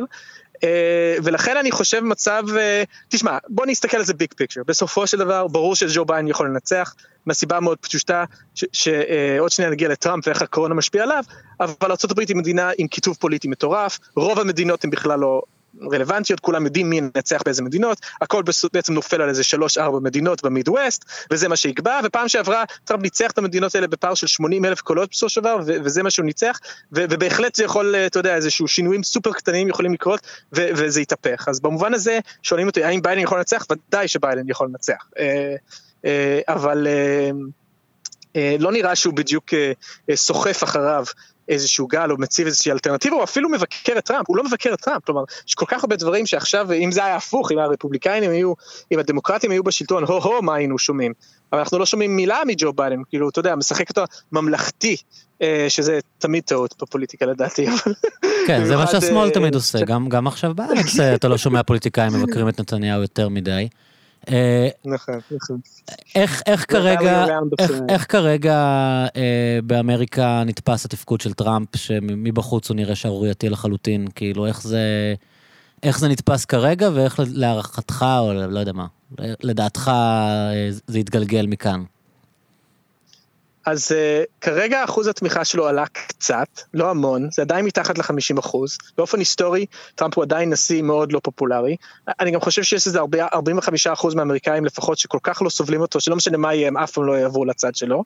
אבל uh, אפשר לנצח עם uh, 48-49 אחוז uh, uh, אחוזי תמיכה, שוב, זה גם תלוי איפה, יש לו יתרון אלקטורלי מסוים לפי המבנה של ארה"ב, אז uh, uh, כרגע המצב שלו נראה יותר טוב ממה שזה היה לפני הקורונה. שזה, שזה, מין, uh, מין, מין דבר כזה שאנחנו מכירים שבעיתות משבר אנשים אוהבים לגבות את המנהיג, נגיד בתחילת מלחמה תמיד מנהיגים הם פופולריים. בדיוק. בדיוק, rally around the flag קוראים לזה בארצות הברית, כן, ראינו גם uh, שמלחמת עיראק התחילה, אז גם בוש היה, גם לפני זה, 11 בספטמבר, אבל בוש היה סופר... אה, אתה מדבר על בוש הבן, כן, אוקיי. מלחמת עיראק השנייה, בוש, כן, כל הבושים האלה שיצאו למלחמות בעיראק, כן. זה מבלבל. לא, כי זה מעניין, כי בוש האב, בוש האב, אולי זה נכון, באמת נכון. קשור, הוא גם בזמן המלחמה הגיע לפופולריות שיא. אבל נכון, הזמן שעבר נכון. בין המלחמה לבחירות, אנשים פתאום אכלו את החשבון וראו את המצב הכלכלי וכבר לא הצביעו לו. אז מה שאני שואל אותך נכון. בעצם, זה אם, אם זה לא באמת מה שאתה קורא, ההתכנסות סביב הדגל הזאת של תחילת המשבר, ועוד uh, עד נובמבר נכון, אנשים נכון. uh, יסתכלו סביב ויגידו, מה זה החרא הזה, כאילו. אז האמת היא שמה שאמרת עכשיו זה בדיוק מה שאני חושב שיקרה. אני mm-hmm. חושב שהתזמון של טראמפ פה הוא לא היה טוב כל כך. כרגע זה rally around the flag, אבל אנחנו יודעים שזה זמני, יש שחיקה, בסופו של דבר משברים האלה שלא נגמרים, אנשים מתחילים uh, להפנות גב למנהיג. אז uh, בהחלט, בהחלט אני חושב, uh, אגב גם צריך להגיד משהו מעניין, כרגע הקורונה פוגע בעיקר במדינות uh, uh, דמוקרטיות, זה לא פוגע במקומות שבמילא זה היה חשוב לטראמפ. Uh, בוא, בוא נראה מה קורה לאחוזי תמיכה של טראמפ uh, בעוד כמה שבועות שהקורונה כבר, אה, אתה יודע, אה, סוחף את הדרום ואת המידווסט שנורא חשוב בבחירות האלה ומדינות אחרות שהן הרבה יותר חשובות אה, פלורידה. אלקטורלית. בוא, בוא נראה מה קורה, בוא, בוא, נראה, בוא נראה אז מה קורה לאחוזי תמיכה שלו ו, ולכן אני בהחלט בסופו של דבר חושב שמצד אחד תמיד אומרים שאתה יודע, נשיא מכהן בדרך כלל מנצח בארצות הברית וכולי, אבל uh, אני בהחלט יכול לראות סיטואציה שבה יש אה, אסון כלכלי פלוס אסון בריאותי נוראי, ואתה יודע, המצב בארצות הברית היום הוא מזוויע, ו, וכן, ש, שטראמפ הולך הביתה בגלל הקורונה. חד משמעית, אז, אני יכול אז לראות. אז בעצם הדינמיקה הזאת, אפשר בקלות לראות את המקבילה שלה בישראל. אה, כחול לבן רצו לממשלה מתוך מחשבה שהנושא הזה גמור וביבי רוכב על אה, גל הקורונה ואיך אפשר בכלל להתמודד מולו כשהוא מפגין כזאת מנהיגות. ומצד שני, יש אה, גישה, אני מניח, שנגיד עופר שלח ואנשים אחרים מאמינים בה, שתן לזה קצת זמן, זה יכול לחזור אליו. כלומר, אנחנו זוכרים כן. איך אהוד אולמרט היה מאוד פופולרי בתחילת מלחמת לבנון השנייה, ובסוף המלחמה הזאת גמרה לו את הקריירה עוד לפני הפרשיות שלו. אז אה, אז הרבה, הרבה חושבים שאולי היה נכון, לא, מבחינת, מבחינת ה... לא, לא רוצה לקרוא להם שמאל, כן, אבל מבחינת האופוזיציה לנתניהו, אה, או מה שהיה כן. האופוזיציה לנתניהו, אה, להגיד לו, אחלה, אנחנו מגבים אותך, תנהל את המשבר, ובוא נדבר עוד חצי שנה, כשה, כשה, כשאנשים באמת יהיה להם כבר, ירד הלהט הפטריוטי וכולנו עם אחד, ויתחילו לבקר אותך על הטעויות שעשית בניהול המשבר, ויתחילו להזדעזע מהמצב הכלכלי. אני לגמרי גם מסכים איתך, אני חושב שמה ש... גנץ עשה את המהלך שהוא עשה בגלל הסקרים הפנימיים שהוא ראה, נכון. ואני מסכים איתך שלדעתי זה תופעה זמנית, וזה היה rally around the flag שוב, אה, אבל מצד שני אני לא בדיוק אה, יודע מה היה יכול, מה האלטרנטיבה, בוא נגיד ככה, אני חושב שהטעות הגדולה של גנץ הוא לא שהוא נכנס לממשלה עם ביבי, למרות שאני חושב שזה דבר עלוב ופתטי, אבל זה לא הטעות הפוליטית שהוא עשה, הטעות הפוליטית שהוא עשה שהוא נתן לכחול לבן להתפרק על זה, זה כן. היה הטעות, כן. אה, זה אתה לא יכול לקרות, זה לא יכול לקרות, אז, אז במובן הזה, אם, אם, אם הוא היה יכול להיכנס עם כולם, אז הייתי אומר שזה מהלך דווקא חכם, שביבי ייקח את כל האש עליו, הוא, הוא ישלם את המחיר כי הוא ראש הממשלה, ואז... כי, כי בסופו של דבר אתה לא יכול, מה, מה, הוא לא יכול כאילו להוביל לבחירות, נכון? זה, זה הוא לא יכול לעשות, אי אפשר לעשות בחירות בזמן הקורונה. Mm-hmm. אז, אה, אז, אה, אז, אז, אז במצב שהוא היה, אני, אני לא יודע, מה, מה, מה, מה הוא היה יכול לעשות? נגיד הוא, נגיד הוא מסכים עם עופר שלח וכולי. אה, אז הוא פשוט משכנע אותם להיכנס לממשלה? אני לא יודע, כאילו, מה, מה הם רצו? אה, הם רצו לח, לח, לח, לחוקק את החוק הזה, נכון? כן. ש... לא, הם אמרו, אנחנו מה, נהיה, מה הם אמרו, אנחנו נהיה אופוזיציה, קודם כל. נתחיל להעביר את החוקים. אבל איך, אבל איך יהיה ממשלה? אבל איך יהיה ממשלה? מה זה לא, הם אמרו, אנחנו, אנחנו, אנחנו נגבה, נגבה, את, אה, נגבה את ביבי בדברים החשובים במלחמה, במלחמה בקורונה. אם נצטרך נעביר חוק לדחיית הבחירות, כי אם אי אפשר יהיה לעשות את הבחירות בקורונה. ובזמן הזה אה, ביבי יבוא אלינו עם הצעות יותר טובות, ואנחנו נראה, אתה יודע, נשחק עם זה, אבל לא, לא נרוץ, אה, לא נרוץ אליו בלי, כן. בלי קלפים. ו... ברור, ברור שזה היה... לא, ברור שזה היה מה שצריך לעשות. אגב, אתה, אתה מופתע ממה שהיה עם גנץ? כאילו, כן, מאוד. אני, אה, אה, לי, מאוד. כן, היית מופתע? מאוד. אני לא, לא יודע, בגלל שאתה לא מכיר אותו מספיק. אני, אני חשבתי אולי באיזשהו מקום, אתה יודע, אני, אני מנסה כל הזמן להסתכל על זה גם ברמה האישית, כי he just doesn't have it in him, כאילו, לא, זה, זה קשה, שנה שלמה בחר, אתה יודע, זה סתם זה נכון, זה, זה שיחה שהיה לי כאן עם ליאור חורב, שהוא מין יועץ פוליטי ומומחה בקמפיינים כאלה, והוא אמר שבסוף זה... חלק גדול מזה זה פשוט תשישות נפש עצומה, שלא היה להם כוח יותר להתמודד עם זה, והוא הרג אותם ואין להם רבע מהאנרגיות שלו. אני uh, מופתע מ... הוא נתפס אצלי כבן אדם עם אינטגריטי מאוד גבוה, והיה לי מאוד מוזר uh, המהירות שבה uh, הוא חזר בו מהבטחת בחירות שלו. שזה לא מפתיע אותי, כמובן, עקרונית, שאנשים חוזרים בהם מהבטחות בחירות, אבל שבועיים אחרי הבחירות, כשזה היה האג'נדה שלך, שזה היה הטיקט, שאנשים הצביעו לך בשביל להיות אלטרנטיבה, זה היה לי משונה שהוא עשה את זה, והיה לי משונה שהוא עשה את זה גם בצורה כל כך... אה, ימים יגידו, אבל שנראית קצת חל... כן, נראית קצת חלמאית, כן. ואני הייתי בטוח שהם הרבה יותר מגובשים בתוכם, ואני הייתי בטוח שהם, אה, שהם יותר חיות, כאילו, שהם, שהם מוקפים שם ביועצים מעולים, ושלראות עכשיו את איך, איך הוא עדיין משחק בהם, וכבר עברו... שבועיים שלושה, ועדיין כל הקלפים אצלו, והוא יכול לגרור אותם לבחירות רביעיות ולפרק אותם, או יכול uh, להמשיך לכופף אותם. אותי זה הפתיע, אני נתתי להם... Uh, נתתי להם יותר קרדיט, אבל מצד שני הם אומרים, uh, הסקרים נראים טוב, ואם הדבר הזה יסתדר, אז אנחנו נהיה שם, ומתישהו ביבי ילך, והעם רוצה את זה. אני לא יודע, אתה יודע, אני לא... הטענה שלהם שזה בועת טוויטר האלה שמבקרים אותם, ורוב העם תומך במהלך הזה, ובסוף גנץ יצא מזה מנהיג יותר חזק, ו... ובבחירות הבאות הוא, הוא ימשיך להיות האלטרנטיבה בתור המנהיג האופציונלי, אני לא יודע. כן, אה, של הליכוד, זה לא כאילו... כן, לא, לא, לא, אני מדבר נטו... כאילו, הוא יעבור לליכוד. כן, לא, אידיאולוגית אני כמובן מנתק את עצמי מזה לגמרי, אני לא, ברור שאני לא... זהו, בדיוק, כאילו, אני מסכים איתך, יכול להיות ש... אה, בוא נגיד ככה, אם היה, אני כבר, אה, זה נורא להגיד, עשר שנים שואל את השאלה הזו, מי הולך להיות הראש הממשלה אחרי ביבי? היו לי כל מיני תיאוריות. שנים הייתי מהמר על גדעון סער, עכשיו כבר לא. אני חושב שהראשון בבורסה כרגע זה גבי אשכנזי, אני חושב. יש לי אוקיי, הרגשה שזה גבי אשכנזי. כן, כי קודם כל הוא ליכודניק. והוא חותר שם לאיזשהו איחוד או להיכנס שם, והם אוהבים אותו, הוא סופר פופולרי, הוא סופר פופולרי. אבל איך הוא עוקף את גנץ? איך, איך הוא עוקף את גנץ? הוא יכול להיות שהוא אפילו יעבור לליכוד, יכול להיות שאפילו יעבור לליכוד. כלומר, יש, יש כבר תיאוריות כאלה. באיזשהו מקום אני חושב שהוא, בפסיכולוגיה של אנשים כבר הוא מספר שתיים, כאילו, הוא, הוא ש, ש, כאילו, אתה יודע, כל הזמן היה איש מאחורי הבן אדם. אה, כלומר, אני, אני בסופו של דבר, אני חייב להגיד, למרות כל מה שקרה, אני מניח שעדיין הייתי מהמר על גנץ. אולי לא בסיכויים גבוהים, אבל קשה לי לראות מי, האלטרנטיבות, אה, למרות שגבי אשכנזי זו אופציה נחמדה. אה, אתה יודע, גם אתה יכול לדמיין מצב שבבחירות הבאות גנץ פשוט נעלם לחלוטין, ויש כן. שוב כחול לבן, ושוב יש את השבט הלבן, רק לא ביבי, ופשוט. לא, אולי הם לא, אולי הם לא מפסידים, כי לא יודע, ביבי בדרך לכלא, או אני לא יודע מה. ואז כאילו מי זה יהיה, יאיר לפיד אני מניח? אה, או אה, בוגי, אני לא יודע. כן, זה לא נראה מבטיח לא בכל מקרה, אבל תגיד, ההתרסקות של מפלגת העבודה, שאתה יחסית, נראה לי בשיחה כן, הקודמת, כן, כן. תמכת בכלליות במהלך הזה של לנסות להקים מפלגה חברתית, והנושא הזה כאילו... אה, התפרק לחלוטין, אה, אם אפשר לקרוא לזה אולי בגידה של, אה, של פרץ, אישית התאכזבת מזה? כן, לא, ברור. תשמע, אני חושב שהרעיון הוא עדיין הרעיון הנכון, שבלי, אתה יודע, מפלגות שאין להם את האנשים באשכול 4-5 ככה מה שבאמת הוא המעמד הביניים. בראש אנחנו לא, לא מדמיינים את המעמד ביניים. כשאנחנו מדברים על מעמד ביניים בישראל אנחנו חושבים על עשירון שמיני בערך, אבל... אה, תסביר רגע, לא כולם מבינים, ככה... לא כולם מבינים את הטרמינולוגיה. כאילו, לא. עשירון. שמיני, אתה מתכוון עשירון שמיני מלמעלה? כלומר, האנשים שהם... אז זהו, זה נורא מבלבל, כן. נכון. אז אתה מתכוון בעצם הייטקיסטים אה, כאלה שמרוויחים 20 אלף שקל, 25 אלף שקל בחודש, עליהם חושבים, חושבים בתור מעמד ביניים, אנשים כאלה...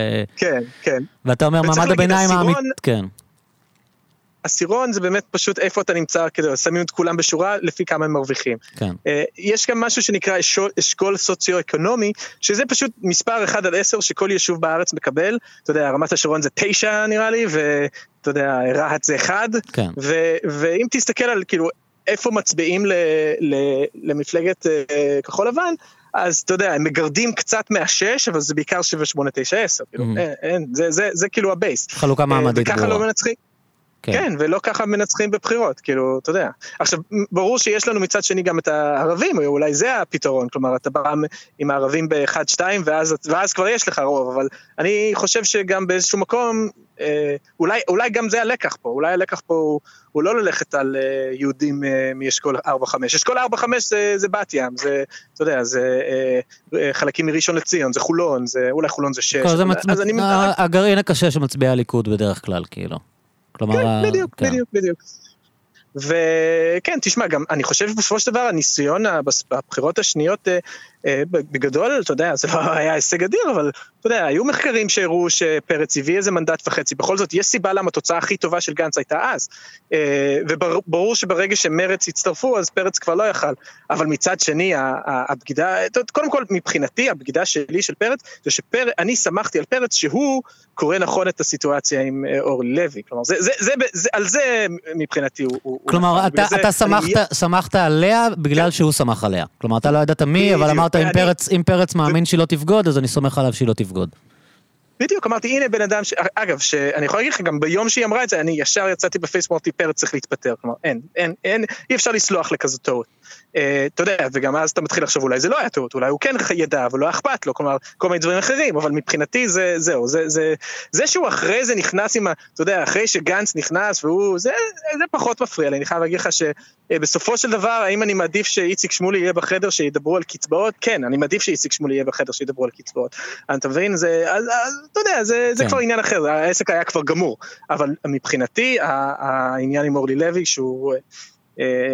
אה, זה, עכשיו, שוב, אה, אי אפשר לדעת מה הוא ידע, when, what did he know and when did he know it, מה שתמיד כן. אומרים, אבל, אה, אבל עדיין אה, זה, זה, אי אפשר לסלוח לזה, והוא צריך ללכת הביתה, והקריירה הפוליטית שלו צריכה להסתיים, ואנחנו צריכים אה, להתעשת ולמצוא אה, נרטיב כלכלי אה, לא מתנשא. אה, אבל אתה רואה התכנות כזאת? עכשיו בכלל אנשים מתחילים לדבר על איחוד של מרץ אה, עם, אה, עם יש עתיד, וגם האלמנטים במרץ הם לא אלמנטים סוציאל דמוקרטיים, אה, חברתיים, מה שקורה, מה שנשאר. אין, אין כרגע שום קול, אה, שום קול חברתי משמאל, לא נשאר, חוץ מאולי באמת גורמים בדיוק. ברשימה המשותפת. כן, נכון, הרשימה המשותפת, ו- ו- וזהו, ובגלל זה אני אומר, שבגלל זה אני חושש קצת מההיתכנות של המחאה שדיברנו עליה, שאין בכל זאת איזשהו אה, מישהו צעיר אפילו כזה, עם כריזמה, איזה כוכב עולה, איזה מישהו שאתה יודע, אה, כאילו, אולי אפילו יצא מה- מההכרעה הקודמת, לא, מה, אנחנו לא, אני מעריך את שמולי, אבל כן. הוא לא, he's not that guy, he's לא. not that guy, ו- לא. וסתיו שפיר בטח לא, אז כאילו, אז גם אין לנו, אתה יודע, אין לנו איזה אלכסנדר אוקטביו קורטז ש- is, is waiting in the wings בשביל uh, הרגע הזה, כמו כלומר, שיש זה מישהו בארצות הברית. צעיר מלהיב שיכול לסחוף אחריו אנשים שמאמינים בשינוי אמיתי, כאילו, ומנסים לנער את הדברים? אין- כן, אין גם עם כזאת? עדיפות למישהו, גם מישהי כמו אלכסנדר אוקטביו קורטז, המקבילה לאישה לטינית אה, אה, בת Mhm. 30, כלומר Mhm. שזה איזה מישהו, זה לא איזה מישהו לבן, אה, כן. אה, אני בדרך כלל לא אוהב משחקי זהויות פה, אבל זה חשוב, הדברים האלה חשובים, כלומר זה צריך להיות מישהו שהוא לא תל אביבי. שמדבר בצורה ש... בדיוק, כן. יפה, אהבתי. כן, עזרתי לך. ניתוחים, ניתוחים גיאוגרפיים מוציאים כן. אותך בהרבה, אה, כן. אגב כל הנושא של פריפריה, על זה שישראלים מדברים על המילה פריפריה, אני חושב שבהרבה מהדברים, זה נכון, יש איזשהו עניין גיאוגרפי, ברור, ברור, אבל זה גם מאפשר לך לדבר על דברים אה, רגישים אה, בלי לדבר עליהם בעצם. תגיד, אז לפני שאנחנו מסיימים קצת, ספר לי באמת איך, זה נראה עכשיו, אתה, מעביר הרצאות בזום, או מה, איך, החיים שלך נראים בתוך העולם הזה? נורא. אה, אנשים לא מדליקים את המצלמות, זה נורא, כי הם... אני לא אכריח אותם. אה, ואז אתה יודע שהם בעצם לא אה, מסתכלים עליך, שהם אה, בפייסבוק? תשמע, אני חושב שאנשים, אני, אני, אני חושב שאני מרצה מספיק טוב, שאני יודע שבגדול כשכתוב שם 20 אנשים בחדר והם גם כותבים בצ'אט. לא, אני, אני מרגיש אה, נוכחות, אני אפשר, אבל זה פשוט נורא, אתה מדבר אל אה, מסך, אה, זה נורא, זה נורא, אני, אי אפשר לעשות בדיחות, אי אפשר להיות ציני, דברים ש... אחר, כאילו זה משנה הכל, Mm, זה צריך להיות מאוד מדויק אני גם, אני גם. חייב להגיד לך שאני, הרבה יותר עייף כשזה נגמר. אני כן. גמור. כן. בדרך כלל כשאחרי שעה וחצי של הרצאה בכיתה, אני, אני קצת עייף. כי וזה, אתה לא מדבר טבעי. אתה כל הזמן צריך לשים לב שאתה מדבר ברור, כן, ושמבינים לא אותך, יודע, ואתה לא, שם לא הדגשים יודע. כאילו. זה פשוט, אני גם חושב שזה משהו שהוא פשוט, אתה יודע, אלפי שנה של אנשים שד, שדיברת אליהם ודיברתי אליהם face to face, זה משהו שהוא ב-DNA שלנו, בהכי כאילו, ב-hardwire של המוח שלנו. אני, אני שונא את הזום זה. הזה, בגלל זה גם איתך אמרתי שנדבר נורא. בטלפון וזהו, אני, אני לא... אני אנשים, מעדיף, אני מעדיף. אנשים מתקשרים אליי, ב... ואני מבין אותם, אתה יודע, בתוך הבידוד וזה, הם מתקשרים אליי כזה ב... בשיחות וידאו בוואטסאפ, ואני כזה, אחי, למה אתה צריך לראות אותי? אתה יודע, כאילו, אני אמור לך להחזיק. אני אמור להחזיק את הטלפון ושתראה אותי, וזה כאילו, סבבה? בוא נדבר, אנשים כאילו. עושים אני את זה? לא... כן, כן. זה כן. מצחיק, ש... זה מצחיק שהם כאילו עשו קפיצה מזה שאף אחד בכלל לא מתקשר לאף אחד, שזה לא המקובל בעצם להתקשר לאנשים בדור שלנו, נכון? לא, פעם זה היה בדיחה, שאם אתה מקבל video call, אז ברור שזה בטעות נלחץ, אף אחד לא מתקשר ב-video call בוואטסאפ. כן. בדיוק, ועכשיו לא רק, לא רק שאנשים מתקשרים אליך ולא כותבים וואטסאפ, הם גם מתקשרים עם video call. כן, כן. זה באמת כבר אה, להשתין מהמקפצה, חצופים. ויש דיבור כבר על מה, כאילו, אנשים חושבים שנת הלימודים הבאה, יכול להיות שהיא לא תיפתח, כאילו, מה, יש לך איזה מידע, לא, משהו? לא, לא, הכל... כן. האוניברסיטאות, מה זה מרוצות מהמצב? הם כבר שנים מנסים להעביר אותנו לאיזשהו כי זה מתכונת. אה, חיסכון עצום? אה, ש- כן, מה, כן, לא צריך לנקות את הבניינים, או מה, לא צריך לשלם למאבטחים? מה מה היתרונות שלהם בעצם? טוב, קודם כל, האנשים ממש הכי נבזיים, אז הם מדמיינים מצב שבו, אתה יודע, למה צריך היסטוריון של ארה"ב בכל אוניברסיטה בארץ? Mm. בוא, יהיה זום אחד, אה, יאללה. אפשר לקצץ... לא, שיעשו כבר אה, את ההרצאה עם המרצה מהרווארד, יקנו licensing, אתה יודע. או, יפה, ועכשיו הגעת לשלב הבא, השלב הבא זה כל ה-MOOCs האלה, Mass Online Courses, שזה הרווארד ו-MIT, הוציאו על זה מיליונים, ויש להם קורסים מטורפים, וכבר זה קרה. וגם הטכנולוגיות שלהם בטח יותר טובות, זה קו יותר יציב ורואים יותר טוב, והממשק יותר אינטראקטיבי בטח. אז גם הם הם- הם הם- כאילו כבר הם- מוכנים ליום הזה, שהם פשוט השתלטו על כל לא, ה... זה כבר קרה, הם חכמים, מה שהם עושים ככה, הם אומרים, כל מי שרוצה יכול לצפות ב- בשיעורים האלה, חינם. אבל אם אתה רוצה לקבל ציון, אז אתה צריך אה, לשלם עליה כסף. כלומר, האוניברסיטה יכולה לשלם עליה כסף להרווארד, ואז כאילו להפוך את זה לקורס ב- באוניברסיטה Mm, שלהם. ואז יהיה לך, תקבל את הקורסים לבחור, ואתה תגיד, אני רוצה לעשות זה עם אלי קוק, זה עם ההוא, ואני גם אעשה קורס אחד בהרווארד בתור התחלה, כאילו. ולאט לאט אני אתחיל למחוק ו- מרצים ועכשיו מקומיים.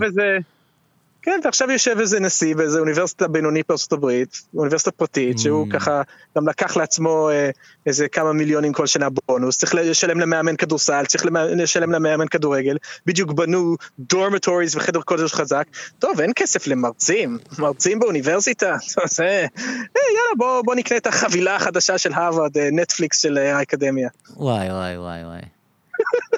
אבל אתה חושב Oh, yeah. ששנת הלימודים הבאה תיפתח כרגיל, אתם מעריכים? כן, כן, אני לא שומע שום דבר אה, אחרת, אני חושב שהסמסטר הזה ימשיך. היו דיבורים בהתחלה, אבל בגדול נראה שכל האוניברסיטות די מרוצות אה, אה, מה, מהזום הזה, והם ימשיכו עם זה, ולדעתי אה, בהחלט אה, הסטודנטים מתלוננים, הם, הם, הרבה מהם סובלים מזה, אבל לדעתי, אה, אה, אני בטוח שגם יש כאלה שאוהבים את זה, שנשארים בבית וכולי, אבל לא, אה, הכל אה, נראה לי יישאר. השאלה באמת האמיתית תהיה מה, מה יהיה עם המבחנים, בואו נראה מה, מה יעשו שם, זה, זה, זה האתגר הגדול. אה, אז יש לנו כמה חודשים, אבל זה, זה כבר מתחילים לדבר על זה בחוגים, אבל זה כבר, אה, אני לא יודע מה יהיה, אה, מבחני בית או משהו, יהיה איזה משהו כזה. אה, אבל לא, לדעתי אה, ימשיכו, ואם כבר שרדו את הסמסטר הזה, אז אני מניח שגם את הסמסטר הבא.